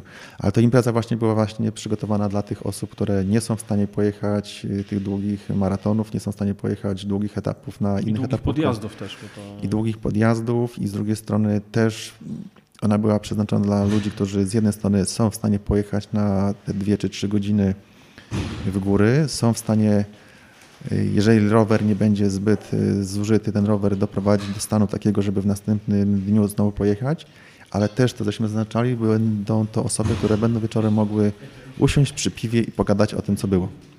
Ale to można powiedzieć, że format imprezy dość mocno zmieniliście, tak? No bo teraz jest to rywalizacja z innymi zawodnikami w tym samym czasie, a jednak gdyby to były OS-y, to bardziej przypominałoby to taką próbę czasową na singlach, tak? Tak, no pierwotnie Muflon jakby jest, y, mówię o zwierzęciu, zwierzęciem, który bardziej funkcjonuje w górach sowich i pierwa, pierwotna jakby idea była taka, żeby jeździć w górach y, sowich na połączeniu z górami barckimi w okolicach Srebrnej Góry. Ale trasy, że tak powiem, nam się fizycznie nie układały, żeby miało jakąś tą logikę, więc odsunęliśmy się bardziej w rzeczony masyw Śnieżnika i tam to y, zadziałało. No i bardziej jakby, mm, oczywiście jest to kompletnie inna formuła, ale idea była taka, żeby to był, żeby to był wyścig etapowy. A że muflon, zwierzę, tamten rejon, więc poszliśmy bardziej na, na wschód. A udało się, no jak mówisz, czwarta edycja już, udało się mm, zaszczepić powiedzmy tą zainteresowanie topkami MTB w uczestnikach Muflona, żeby wzięli udział w trofi czy w challenge'u? Widzisz jakąś tam już taką synergię, czy, czy raczej to są jednak dwie różne grupy docelowe? No to jest powrót do przeszłości, którą, którą jakby w 2004 roku y, podrzucił mi chłopak, kolega, starszy można powiedzieć już wiekiem, y, Jerzy Pleskot, który jeździł w, grupie od, z Otwocka. Y, Mazowia w założeniu, na której rozpoczynałeś swoją bytność, mhm. była pomysłem takim, żeby ludzi na początku zachęcić do, do w ogóle jeżdżenia jako takiego na rowerze, to było gdzieś na samym początku gdzieś tam w naszej strukturze. Ludzi, którzy już pojadą dystans długi na Mazowi, mobilizowaliśmy tego, żeby startował na maratonie krótszym w górach. Po maratonie krótszym jest dłuższy, średni, długi, przechodzi, przechodzi na etapówkę. I to była taka idea troszeczkę ściągnięta, ściągnięta z tego, co robi yy, Szwecja, czy też yy, to, co funkcjonuje w strukturach IKEA i Volvo. Rozpoczyna się od ołówka w IKEA, gdzie bierzesz miarkę i mierzysz sobie nie wiem, drzwi czy szafkę, a kończysz, jak jesteś już ułożony zakupem samochodu dla rodziny. To cały mhm. ten proces y, też był przełożony w pewnym sensie przy, y, przy maratonach no niemalże tam 20 lat temu. Teraz jest podobna idea może w formule wyłącznie etapowego wyścigu, że rozpoczynasz od czegoś łatwiejszego, idziesz dalej y, i ten krok kolejny jakby jest na czymś ambitniejszym i trudniejszym. Trudno mi na razie ocenić, ile tych osób, że tak powiem, poszło dalej, bo wydaje mi się, że jednak przy Muflonie jest specyficzny uczestnik, zawodnik, który przyjeżdża tylko tutaj. To jest ciekawe, fajne, że przyjeżdża mnóstwo drużyn.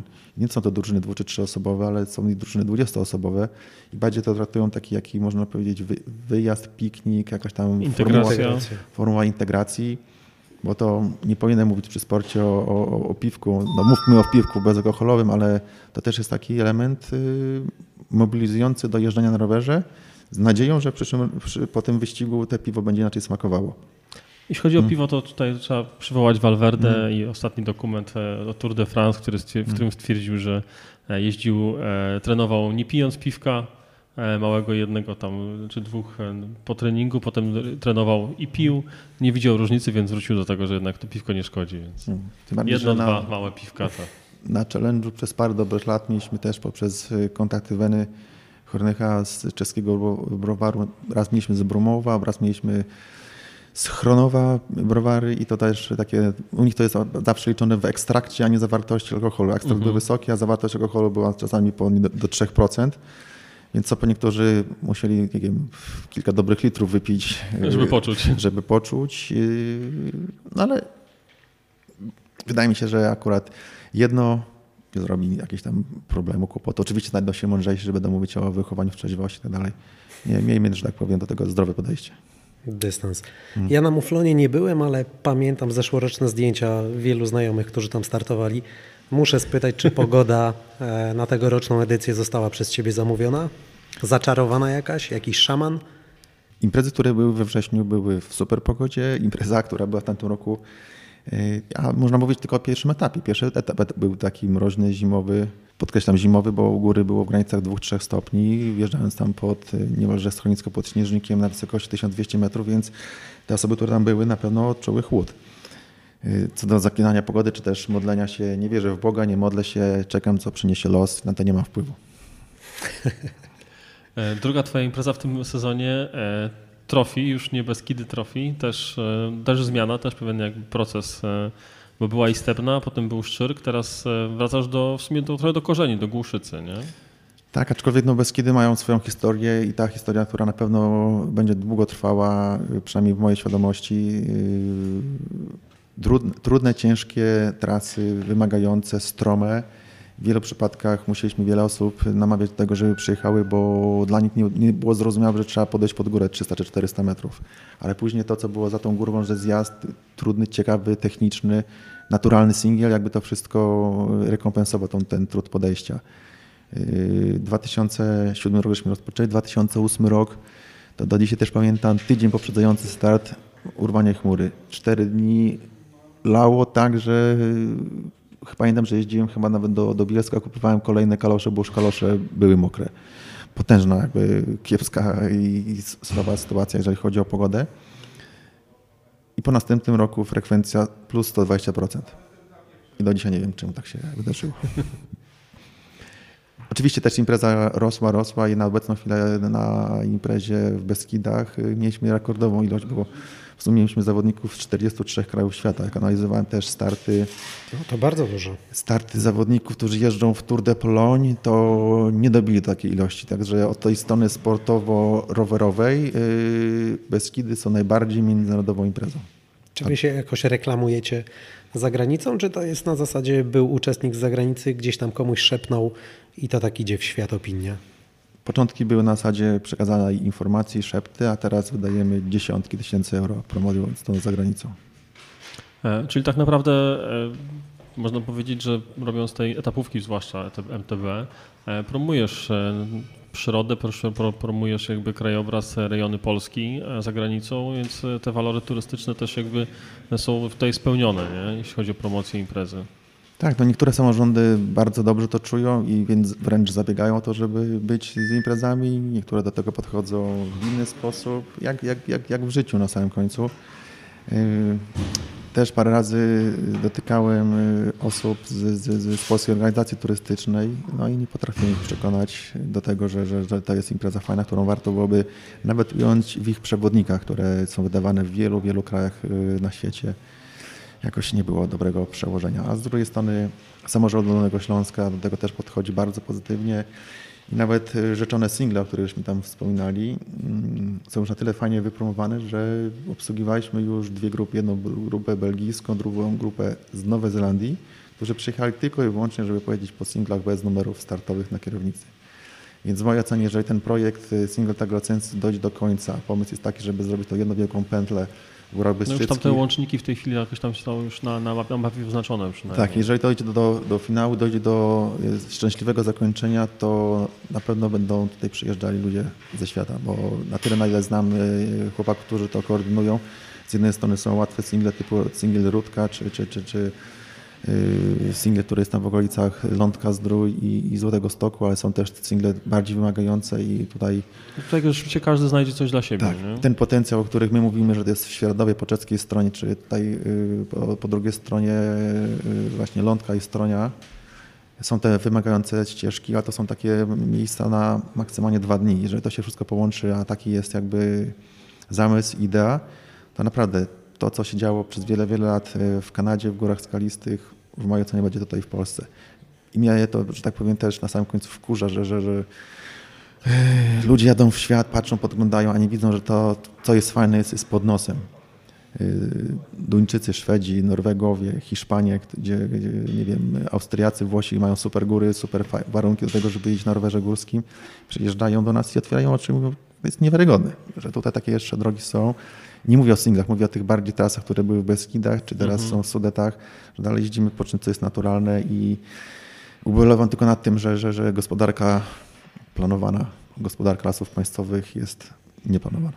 No tak, no to hmm. dosłownie tylko tydzień temu nagrywaliśmy właśnie odcinek, ja byłem z kolei w Bieszczadach, e, single track pod Honem wybudowany 3 lata temu ze środków unijnych, e, piękna trasa, przeorany co, co kilkaset metrów przez, przez Zulę po prostu zniszczony i i nadleśnictwo po prostu stwierdziło, że zamyka, bo, no bo tak prościej, nie? Tak, to jest, to jest wszystko y, bardzo mocno zależne od decydentów nadleśnictwach. To, że się pojawił single targacensis, to jest tylko na początku duża zasługa pana Antoniego, nadleśniczego z nadleśnictwa Bardo, który jest kolarzem. I on zrozumiał to, co przekazywali mu chłopacy z Srebrnej Góry, że coś takiego warto zrobić. Jeżeli przekonali jednego nadleśniczego, a zarządza dość dużym terenem, łatwiej już było z następnym nadleśnictwem, z następnym nadleśnictwem i w tamtym roku było podsumowanie 5 lat, 5 lat single track i naprawdę wszystko w turbo miłej atmosferze. Nikt nikomu y, nie no, Inaczej, każdy jest... każdemu gratulował, że jest tym wszystkim, funkcjonuje, działa i to nieważne, czy to był urzędnik z Wrocławia, czy nadleśniczy, czy leśniczy, czy człowiek, który ma agroturystykę. Tak, no bo to, to chyba to korzystają wszyscy, mm. bo, bo jest baza noclegowa i gastronomiczna, e, wypożyczalnie rowerów, tak naprawdę to wszystko pięknie nakręca. Ja miałem z, chyba z półtora roku temu, widziałem się właśnie z Markiem i Piotrkiem, przy okazji otwarcia e, Family Bike Park w Zieleńcu z kolei. Mm. Też opowiadali właśnie jak ciężko było im na początku przekonać jednego z operatorów tam, e, to była, to się nazywa gryglówka, tam właśnie krzeseł, do tego, że no warto mm. latem wyznaczyć tutaj te single i, i w oparciu o to E, będzie rzeczywiście większy ruch zainteresowania. No i rzeczywiście zatrybiło. I teraz już kolejni tam pozostali operatorzy, tam chyba 3-4 operatorów mm. wyciągów, e, zaczynają się interesować tym i, i, może za chwilę w Zieleńcu będziemy mieli naprawdę bardzo fajny, duży bike park, a nie tylko 3-4 single, które w no, tej chwili tam są. I tam przecież też infrastruktura noclegowa powstaje, bo no, zimą mówili, przecież to jest tam tysiące tam, ludzi. Tam budują gigantyczny hotel, bodajże 1200 osób jest w stanie przyjąć, no ogromny. Y, nie wiem, czy wiesz, ale właściciela yy, no, zamknęli. to, to może budowa stanęła. o, proszę, proszę. Łącznie z burmistrzem Dusznik. Ach. A, to jakaś grubsza, grubszy, grubszy temat. No, bo ten hotel rzeczywiście no, no, trochę się nie wpisuje w krajobraz tam niestety. Nie, to jest. To jest... Nie. Szpetota. Ale to e, rozumiem, że jesteś w temacie, to e, chociaż troszkę. Stanie, stanie budowa w tej chwili? Czy to będzie do rozbiórki? Czy e, wiesz coś na ten temat więcej? Co możesz powiedzieć? A ten pałac w okolicach Kutna Konina stanął?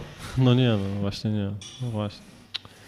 Już jak machina ruszyła, to już się nie zatrzyma, niestety. Nie, to jest zaszłość, przeszłość. Ten sam człowiek, który swego czasu budował stoki narciarskie, w pierwszej kolejności robiąc tok i stawiając słupy pod, pod wyciąg, dopiero później prosząc o zezwolenie na wycinkę lasu.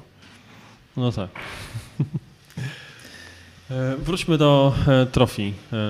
Jakie trasy w tym roku na Trofi będą? E, czy Trofi zachowa swój charakter e, dzięki temu, że przejdzie do Głuszycy? Znaczy, co to jest najważniejsze? Zmieniamy kompletnie miejscówkę. Po 16 latach czy po 17 uciekamy, powtórzę, uciekamy z Beskidów z kilku jakby względów. Pierwszy, chyba najważniejszy, oczywiście nie chcę absolutnie, że tak powiem, żeby mnie to źle zrozumiał, ale w Beskidach y, no, pojawia się ta cywilizacja, o której tam wspominaliśmy w innej formule. Y, nie chcę jakby żeby, żeby też mnie to źle zrozumiał, ale lokalesi już chyba mają po dziurki w nosie chodzenia po błocie, chodzenia po kostce, która jakby wygina im buty, krzyżują, że tak powiem, stawy skokowe i tak dalej, więc mnóstwo ścieżek, mnóstwo dróg, które myśmy wykorzystywali zawczasu do jeżdżenia na rowerze są teraz szutrowane, gruntowane, ubijane, robione są drogi, asfalty. Policzyłem w 2016 bądź 2015 roku, Y, ilość y, asfaltu, który jest na całej trasie, to zbliżyliśmy się do 50%. Mhm. O, ile, o ile robiliśmy profile na challenge z informacją, że tu jest gravel, tu jest szosa, tu jest y, punkt widokowy, tu jest single track, tu jest droga leśna i tak dalej, i tak dalej. Asfaltu to było na poziomie 12-13% w porywach. Z tego to były kawałki startowe i jakieś tam łączniki na trasie. W momencie, kiedy żeśmy przekroczyli, albo zbliżyliśmy się w, w Beskidach do 50%, po to, żeby dojechać do Rysianka Listewnej, musieliśmy się przepałować ze 20 km na asfalcie, to ten jakby element samego MTB na poziomie 30% na każdym etapie tego prawdziwego MTB mhm.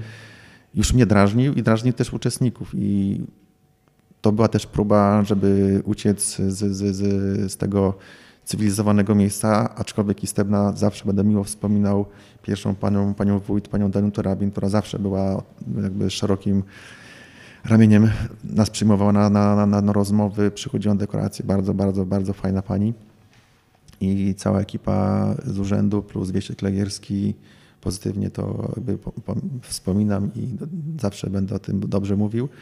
No, ale ta ilość y, dróg, które nam uniemożliwiały jeżdżenie po, po, po tych drogach gruntowo-leśnych spowodowała, że musieliśmy się przenieść. Przenieśliśmy się dwa lata temu do Szczyrku i tam żeśmy się, że tak powiem, spotkali z czymś dla mnie kompletnie niezrozumiałym, y, wręcz banalnym głupim.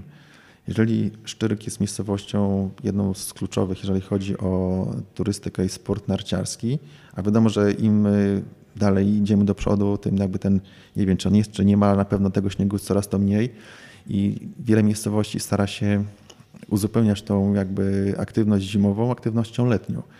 Choćby daleko nie szukając Rzeczona Czarna Góra w masywie Śnieżnika, gdzie są single, pan, pan Haczkiewicz, właściciel no tak. całego kompleksu zrozumiał, że warto też zainwestować w wyciągi, w te wszystkie dokładki, gdzie mogą rowery wyciągać, zainwestował w trasy i ten okres letnio, czy też wiosenno, letnio, jesienny naprawdę fajnie uzupełnia i mówiąc o strony biznesowej, to mu się spina. Mhm. A w Szczyrku żeśmy się zderzyli kompletnie ze ścianą. Właściciele stoków narciarskich, y, hotelarze, pens, y, właścicieli pensjonatów. Zima, a wszystko co jest poza zimą to jest, to jest B. I po dwóch latach takich można powiedzieć tęgich pertraktacji z, z, z lokalnymi właścicielami terenów prywatnych plus y, kompleksem zarządzanych przez Słowaków, który tam też swego czasu bardzo dużo wyciągów postawił. Niezrozumiałe dla mnie było, że, w momencie, kiedy zostajemy w danym hotelu, y, przywożąc gości z zagranicy 60 tysięcy złotych przez 4 dni, nie dostajemy zgody na przejazdy y, strokiem narciarskim o szerokości 150 metrów, który latem jest kompletnie nieużywany. Jest po prostu łąką, nie? Z reguły. Łąką, gdzie my musieliśmy jeszcze odgarnąć to wszystko, przesunąć kamienie, które latem zasypuje śnieg, zimą zasypuje śnieg, latem jest to wszystko do zrobienia, parę godzin pracy. I oni się powoływali na jakieś kwestie bezpieczeństwa i inne, które są absolutnie po naszej stronie. Raz, dwa, dwa razy powiedziałem więcej, nie, nie, jak nie chcecie, to kima w oko. I pojechaliśmy do, do, do Głuszycy. Burmistrz Głuszycy to jest chłopak, chłopak, pan burmistrz, kiedyś był chłopakiem, teraz jest starszym. Yy, przez cztery lata nam znakował maratony w Głuszycy. Świat jest mały, prawda? Jest teraz burmistrzem, wcześniej był radnym yy, i rozmowa dosłownie 10 sekund, 15 robimy, robimy.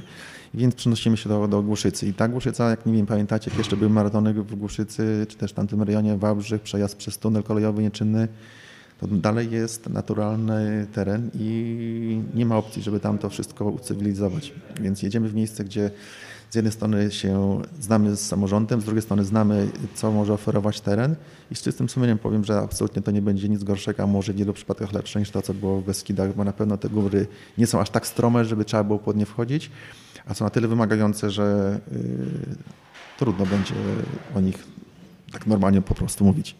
Paweł, podczas zeszłej, znaczy zeszłej, podczas ubiegłej samotnej ucieczki zadeklarowaliśmy się, że w tym miesiącu, czyli w maju, odwiedzimy nowe single podwyżkowym, to może w tym momencie zadeklarujemy się, że pojedziemy na którąś z etapówek Grześka w przyszłym roku. Co ty na to?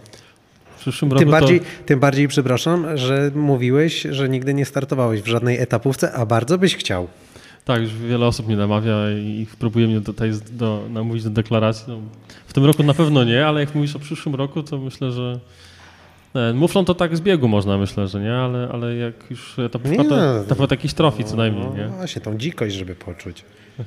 No na trofi na pewno to będzie te, te, te trasy, które są na pograniczu polsko-czeskim trzymają poziom. Ale to musisz teraz powiedzieć, tak deklaruje się albo tak wystartujemy, bo wiesz, bo, bo słuchacze chcą tego usłyszeć. Nie, to ja powiem, to pogadam z żoną i to będzie nasza wspólna Żadnej decyzja. Jak ci powie, że masz golić nogi, to znaczy, że jesteś już gotowy. Dobrze. E, I co potem, Krzysiek? E, po, po trofii odpoczynek od, e, od organizacji aż do końcówki lipca, prawda? Bo potem jest challenge. Tak, ale challenge to już jest, można powiedzieć, jakaś taka y, formułka, która jakby daje mi spokój. Spokój taki y, fizyczny, spokój y, formalno-organizacyjny, bo, bo, bo jesteśmy tam już po raz kolejny.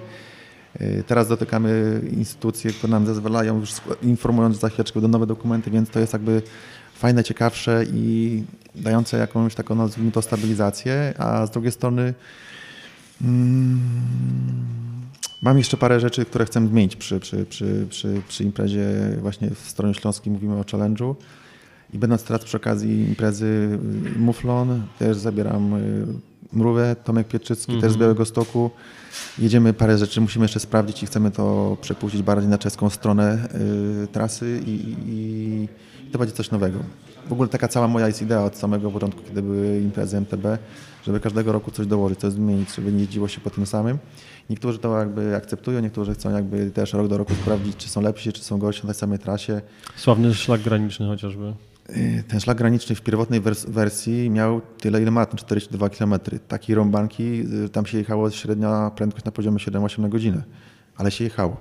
Teraz to troszeczkę modyfikujemy, troszeczkę krócej, y, bo jest za dużo miejsca, gdzie, gdzie, gdzie trzeba na tym rowerze chodzić i zjazdy też są też, no, trudno powiedzieć, spektakularne, są zbyt niebezpieczne. A ten szlak graniczny na, na, na challenge'u jest elementem nieodzownym i to będziemy powtarzać. Ale mówię, w kierunku y, miejscowości, gdzie byliśmy też chyba ze cztery razy w Kralikach, tam chcemy zjechać i jeszcze tam dotknąć tych terenów, które mieliśmy przy edycjach, że tak powiem, rozbudowanych logistycznie. Przy maratonach powiedziałeś, że zrezygnowałeś między innymi z powodu pewnego znużenia. E, nie czujesz mm, tego znużenia przy etapówkach, przy organizacji szosowych wyścigów? E, jak unikasz tej rutyny? Wiesz, w skrajnym momencie mieliśmy 13 maratonów. Jeżeli maraton kończył się, rozpoczynał się następny, a rozpoczynał się drugi, a miałeś już czwarty, piąty, to ilość tych maratonów, a już policzyłem, tych maratonów mam ze sobą 168, no, doprowadzały do jakiegoś zamęczenia, zamulenia. Te etapówki są, y, były dwie, jest, jest trzy, jest jakiś czas, kiedy jest moment na, na tą taką refleksję, co zrobić inaczej, co zrobić może szybciej, może wolniej. I one, one, one aż tak nie angażują y, głowy. Inna sprawa, że przyjeżdżają ludzie z yy, zagranicy. Teraz mamy takiego fajnego Duńczyka, który jechał chyba z pięć imprez pod rząd, miał 7 lat przerwy i przyjeżdża teraz znowu. I to jest też dziwna sytuacja, bo to jest człowiek, który yy, jest konserwatorem w uniwersytecie w Kopenhadze. I w momencie, kiedy yy, oglądałem triatlony, zobaczyłem, że jest triatlon właśnie w Kopenhadze. Jeszcze było to w serii Family Challenge i u niego nocowałem.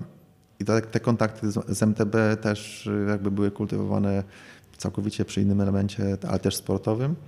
wymieniamy ze sobą jakby maile, dzwonimy, rozmawiamy i wraca po raz, y, po tej dłużej przerwie po raz kolejny. I co ciekawe, pracując w tym uniwersytecie konserwator doprowadził do tego, że moja córka na tym uniwersytecie będzie zaraz studiować. Więc to jest dziwne, fajne, ciekawe i, i no, nigdy, nigdy nie znasz dnia i godziny. Znowu można powiedzieć, że świat jest mały. Ale jest się, mały. Jest mały, ale też jednocześnie mam wrażenie, że w tym kolarstwie, przynajmniej może w każdej innej dyscyplinie tak jest, ale naprawdę jest masa ludzi, z którymi można powiedzieć, że tworzymy rodzinę, nie? że to są znajomości, przyjaźnie na całe życie. Tak, jeszcze a propos tutaj mówisz świat mały. Jak byłem w 2007 roku y, właśnie tam na, w, w Cape Epic, trzeba było najpierw dolecieć do yy, Cape Town, tak? I potem małym samolotem do Najszny, tam był start pierwszego etapu. Mieszkałem na jakimś tam hoteliku. Wiadomo, że jest ta sama strefa czasowa, więc jak zadzwoniłem do domu, to było w tym samym czasie, nie było przesunięcia czasowego. I rozmawiam z żoną, że oczywiście cały zdrowy żyje i tak dalej, tak dalej. Rozłączyłem się, podchodzi człowiek i do mnie mówi po polsku. Okazuje się, że to był, nie wiem czy pamiętacie, kiedyś było piwo EB. O, czyli, czyli, jest, no, czyli jest reaktywowane. Tak. I to był brand manager pierwszego EB. EB. Też na rowerze. No tak, bo tam bardzo dużo tak. też przemysł browarniczy jest. Możliwe, tak, ale że tam grupa Żywiec chyba też ma swoje, czy Heineken ma tam swoje udziały. To... Tak i to jest jakby y, akurat w grupie, tam gdzie jest, że tak powiem, browar z Wielkopolski, chyba większość, większościowym udziałowym jest Sab Miller, czyli tak. spółka z, z RPA. Krzysztof Sochański z Podsochaczewa dwa następne lata przyjeżdżał Y, na, na challenge. Ale on też przyjechał na Cape Epic, tak? Tak, przyjechał, jeździł i, i no miał tutaj też rodzinne koneksje polskie i mówię całkowicie przypadkowo, że jak wspomniałeś o świecie, świecie małym, bardzo mały. Nie możemy nie zapytać e, o twój e, krótki romans z Gravelem, no bo e, zaczął właśnie twoje Podlasie, piękne szutrostrady, hmm. naprawdę fantastyczne drogi szutrowe. Zaczęło się od bardzo fajnego konceptu, od Gravelmana, e, który przyjął, miał bardzo dobre, dobre noty i dobrze, dobrze komentowany był. Potem miała być Dirty Supra, która nie doszła do skutku przez pandemię chyba, jeśli już mm. pamiętam. E, a potem były jeszcze Mistrzostwa Polski gravelowe i to się skończyło.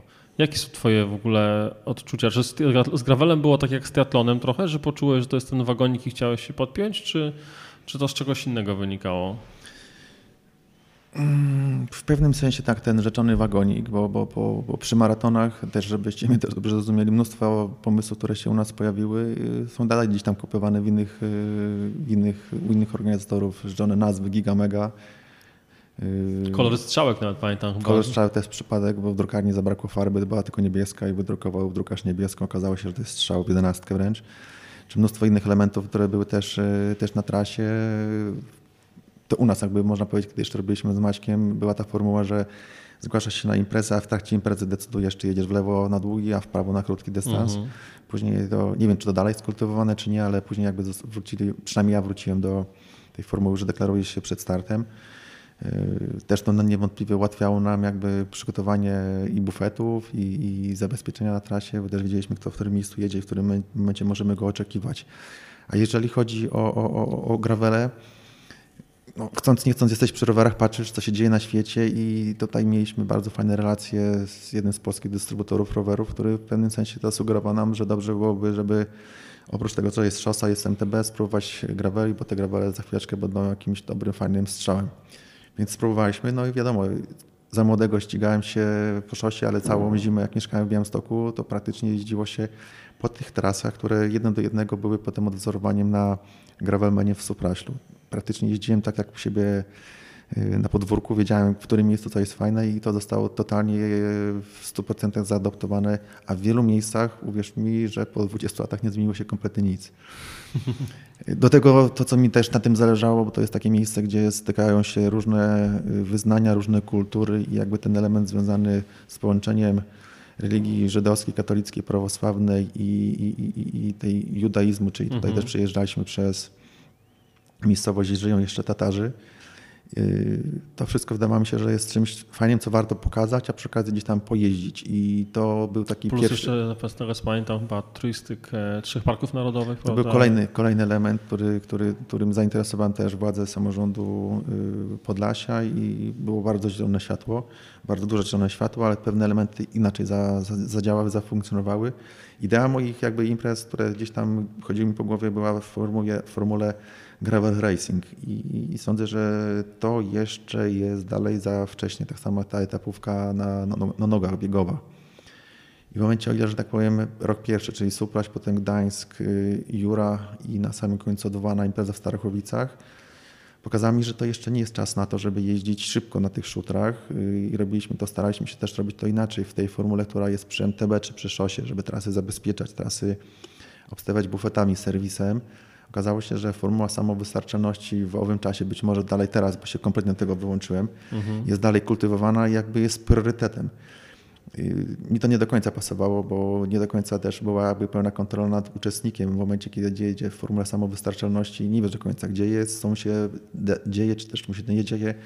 Y, aktywne chipy też czasami działały z dużym opóźnieniem, a dla mnie jakby też elementem bardzo, bardzo istotnym jest kwestia bezpieczeństwa.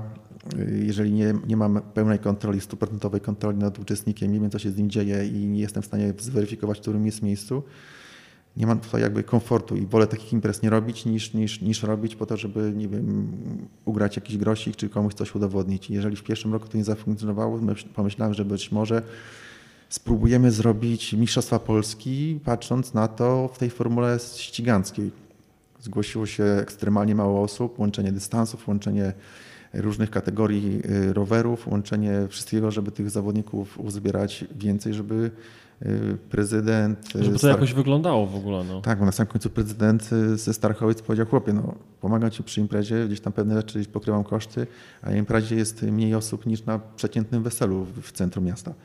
Więc to jakby później na samym końcu rodziło wiele, wiele, wiele, wiele emocji, yy, kłopotów i tak dalej. Ale dla mnie jakby formuła Gravela, która do dzisiaj chyba jeszcze nie jest do końca określona w formule racingowym, bo z Erwinem Verwekenem, nadzorującym y, tą serię UCI, mhm.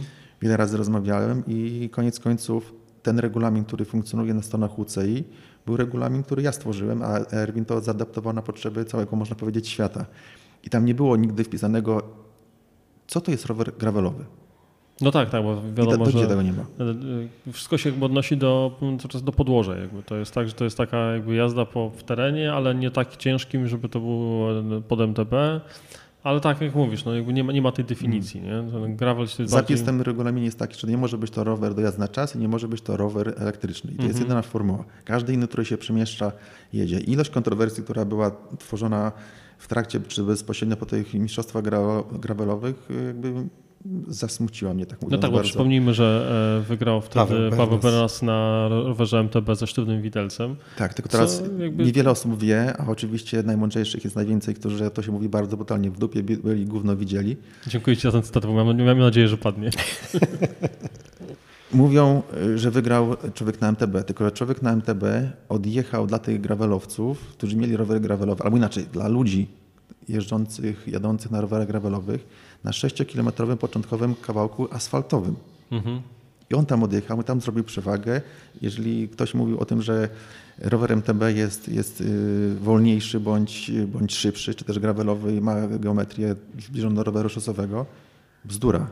To ten, kto na rowerze siedzi, stanowi o tym, jak ten rower szybko jedzie. Czy on pojedzie na MTB, czy na przojowym, czy na gravelowym. To jest wartość nogi, która depcze, a nie jakby jakość i lakier na rowerze. I to jakby był główny element, który podkreślał i budził dużo emocji związanych z tym, że jak to jest, że dopuściliśmy rowery MTB. No dopuściliśmy. No, takie są formuły, tak to się jeździ. W cywilizowanych, Czyli w dobrym słowa znaczeniu krajach yy, Erwin Verweken, który to też mówi, koordynuje, też dopuszczał w pierwszym roku rower MTB i nikt nie robił z tego problemu. Zresztą nawet, e, żeby tutaj potwierdzić twoje słowa, e, jak się przejrzy zdjęcia z właśnie z UCI Gravel Series, które odbywają się na całym świecie, wielu zawodników właśnie wygrywa na rowerach, nie wiem, z prostą kierownicą, nie żeby nazywać górskimi, no ale, ale jakby z prostą kierownicą, z szeroką oponą, z zawieszeniem. Czyli to po prostu brak znajomości przepisów wśród tych, którzy najwięcej gdzieś tam gadają. Eksperci internetowi. Tak, no i ekspertem internetowym był człowiek, który nie był na imprezie, słuchał relacji z, z telefonu komórkowego od osób, które przyjechały na metę i miał najwięcej do powiedzenia, oczywiście ugrywając na tym sobie coś tam dodatkowego. Nie chcę mówić zmienia nazwiska, ale no, zdraży mnie strasznie. Mimo, że to jest człowiek, gdzie tak powiem w rowerach mocno yy, funkcjonujący. O, i tak się, tak się zakończyła, można powiedzieć, moja bytność przy, przy gravelach jako formuła, formuła racing. Ale nie, nie to, uważasz, działa... że to jest zamknięty temat? Nie, dla ciebie. nie, na przykład Paweł, robisz imprezę, to bardzo jakby cenię teren, bo to jest fajny, fajny teren i kto nie jeździł, to jeżeli ma możliwość zapromowania, jedźcie, bo to jest Suwałki, okolica, to jest super miejsce na, na rower gravelowy. Już, już, nie patrzę na to, czy to jest rower MTB, czy, czy, czy, czy przebojowy, 85% uczestników jedzie na gravelu, ale 15% wybiera właśnie głównie hardtaile. Więc... I niech jadą, niech zobaczą teren. I tam warto jechać i warto to sprawdzić, zobaczyć i właśnie ta formuła, którą ty jakby podtrzymujesz jest y, kompletnie sprzeczną z tą formułą, którą chciałem robić być może kiedyś do niej wrócę. Jedziesz y, dystans, super, jadą ludzie, ale, ale, ale chciałbym mieć jakby nad nimi kontrolę. Chciałbym, żeby ta trasa była zabezpieczona. Chciałbym, żeby ludzie mieli komfort, że są bufety. Dla mnie, że tak powiem, całe życie przy, przy, przy, przy, przy ściganiu zatrzymywanie się na stacji benzynowej i robienie z tego bufetu jest jakby wypaczenie mojej idei kolarstwa jako takiego. Absolutnie nie próbuję w żaden, w żaden sposób negować tego, co lubię, ludzie robią, to funkcjonuje, to, to, to, to, to działa. Skoro tylko jedną rzecz skoryguję, mm. bo rzeczywiście większość imprez e, ultra gravelowych to rzeczywiście, tak jak mówisz, wyścig z postojami na Orlenie i bez mhm. bufetów. U nas jest bufet i u nas nie ma Orlenu. Dobrze, Nawet no dwa bufety są. No to w takim razie jeszcze bardziej yy, zachęcam. Więc powoli ewoluujemy, nie? Więc jakby to oczywiście mm. ewoluuje, ale to jest, tak jak mówisz, to jest proces. E, zobaczymy tak naprawdę, gdzie to będzie za 3-5 lat. W tamtym tygodniu rozmawiałem właśnie z rzeczonym Erwinem, mówi, że są już imprezy na y, południu Europy, Hiszpania, Francja, że już przyjeżdża 1500 osób i się ścigają. No w zeszłym roku, no już na pierwszym, pierwszym roku jak być funkcjonowania tej Gravel Series, e, chyba w da Danii albo w Holandii było 1200 uczestników, więc no... no tak, ale wiesz, Dania No wiem, wiem, no to, jest jakby troszkę inny, inny świat, tak, no. to prawda, to prawda. Było bieganie, był triatlon, były gravele, które sam powiedziałeś, że są teraz trochę zawieszone. Czy jest coś jeszcze, jakaś nie, inna odmiana, nie, o której myślisz? Nie, nie. Nie chciałbyś Ale... zrobić imprezy na torze? Ale... Robię, Mistrzostwa Polskie na torze robimy y, we wrześniu. Ale nie wykluczasz, że coś kiedyś się jeszcze może urodzić. Czy już zamknąłeś totalnie furtkę? Yy, zamknąłem, aczkolwiek na razie przekręciłem to kluczyk raz. Jeszcze do drugiego przekręcenia jeszcze jest chwila. Yy, moją ideą, o której wcześniej wspomniałem, jest syn jeździ, chce jeździć, nie namawiam go, nie zmuszam, on mnie zachęca czasami, yy, rozmawiamy dużo, ma parę rowerów, dłubię przy tym wszystkim i to jest dla mnie 90% jakby tego, co chciałbym robić, czy tak powiem, przy tym zafunkcjonować. Może tak troszeczkę, może nie, nie, nie, nie w czas, nie w porę, yy, ale chcę zrobić drużynę szosową dla zawodników z drugiego roku juniora i dwa pierwsze lata Orlika. Czy taki tego, development team tracker? Tego nie ma. Po prostu serce się kraje, jak się patrzy na tych zawodników, którzy kończą wiek y, juniora, wchodzą w Orlika i po prostu tam jest jedna wielka rzeźba, żeby to w jakiś sposób pospinać. Boli mnie to, bo sam tego doświadczyłem, sam mhm. uciekałem z kraju po to, żeby dalej y, kontynuować y, swoją pasję. I, i, I, poprzez to, że przy tych rowerach jestem już ponad 20 lat, a jakby nawet więcej, bo w 1985 roku na rower wsiadłem, kiedy pan Mierzejewski i Piasecki wygrali na torze Krełackoje. To jest ten czas, kiedy zacząłem jeździć, więc za chwileczkę będzie 40 lat. I postawiłem sobie teraz bardzo ambitny plan, żeby zrobić tą drużynę, która w pewnym sensie jest yy, kopią, może nie powinienem mówić, że kopią, ale pomysłem, który gdzieś tam zaczerpnąłem po kontakcie z panem Van Mechelenem, y, Belgiem, który też próbował zrobić coś dobrego dla swojego syna i przez dwa lata miał drużynę juniorów. I z tej drużyny swojego syna y, wprowadził do drużyny kalarskiej DSM. Mhm. Turbo mi zaimponował, bo powinien skończyć ten projekt, bo już osiągnął swój plan. Dalej drużynę trzyma, utrzymuje, ma 25 zawodników z całego świata, łącznie z tym, że jedzie w jednej parze Ukrainiec z Rosjaninem, nie ma w tym momencie żadnego kłopotu. I doprowadzi do tego, że drużyna nazywa się Cannibal Development y, Bahrain.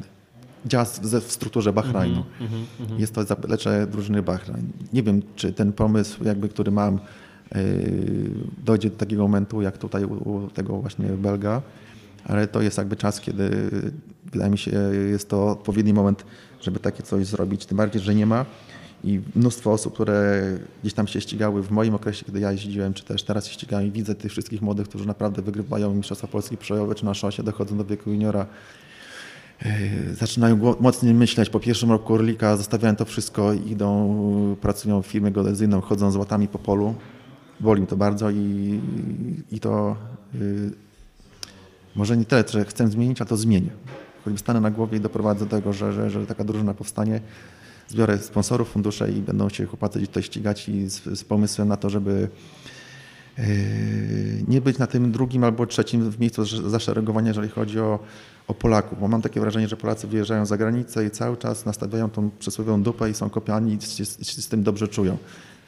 Chciałbym zrobić to taką drużynę, żeby jeździła i wygrywała i żeby pokazywali nas palcem. W miniony weekend skończył się wyścig pokoju dla juniora młodszego. Mhm. Polska wygrała drużynowo. Jeździ na czas drugi, trzeci, czwarty Polak. Młodzi chłopacy, też rówieśnicy mojego syna, zasuwają. Już inni na nich się patrzą, drużyny zagraniczne już podglądają to, co się dzieje tutaj w Polsce, a cały czas jakby mamy w, w elicie dwie, może tam trzy drużyny i kotłują się czy abstrahując od tego, co się dzieje w naszym związku, ale kotłuje się we własnym sosie. Każdy jest w stanie przewidzieć, kto dany wyścig wygra. Mówię tutaj o szosie. Ale... Powiedz mi, Grzegorz, co jest większym wyzwaniem, czy większym problemem dzisiaj z punktu widzenia sportu właśnie kolarstwa szosowego, młodzieżowego? E, brak drużyn, czy brak wyścigów, żeby w ogóle e, się rozwijać?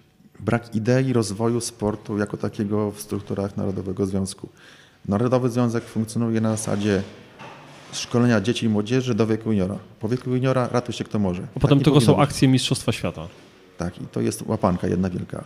Chciałbym, żeby, że tak powiem, obecny zarząd, kolejny, który jest na przestrzeni kolejnych lat, doszedł do tego momentu, że oczywiście ministerstwo finansuje to jakby w formule dzieci i młodzieży, ale dlaczego inne dyscypliny utrzymują również e, orlików, czy też jeszcze poniżej 23 lat utrzymują e, zawodników elity, czyli seniorów? Czemu tego nie ma w polskim kolarstwie? Czemu nie ma mhm. tego w takiej formule, żeby każdy to zrozumiał, bo stara jakby śpiewka sport dzieci i młodzieży y, działa i funkcjonuje, każdy to podkreśla, dla mnie jest totalnie bzdurą i cofaniem się, jakby mówiąc kolokwialnie, do tyłu.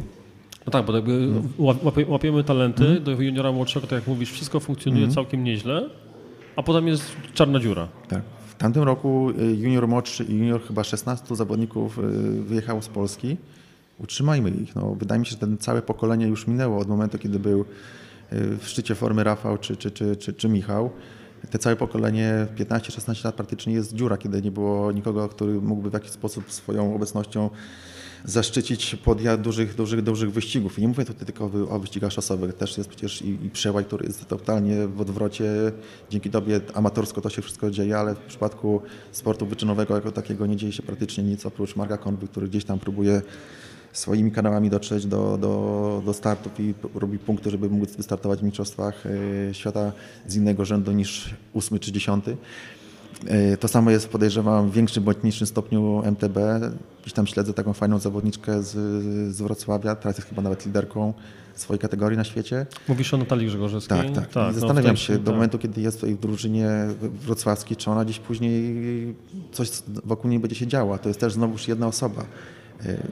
E, to musisz przesłuchać hmm. rozmowę z Natalią, z Natalią, którą mieliśmy dwa tygodnie temu. Mhm. Została ambasadorką Decathlonu, co otwiera jej e, w tej chwili drzwi do tego, żeby móc się dalej rozwijać. Tylko tak, dalej mówimy o jednej osobie. Tak, tak, tak. No nie ma systemu. To są cały czas pojedyncze projekty, które są efektem E, zaangażowania mm. przede wszystkim rodziców, bo to, że Natalia dzisiaj, gdzie, gdzie Natalia dzisiaj jest, to jest efekt pracy jej, rodzic, jej taty.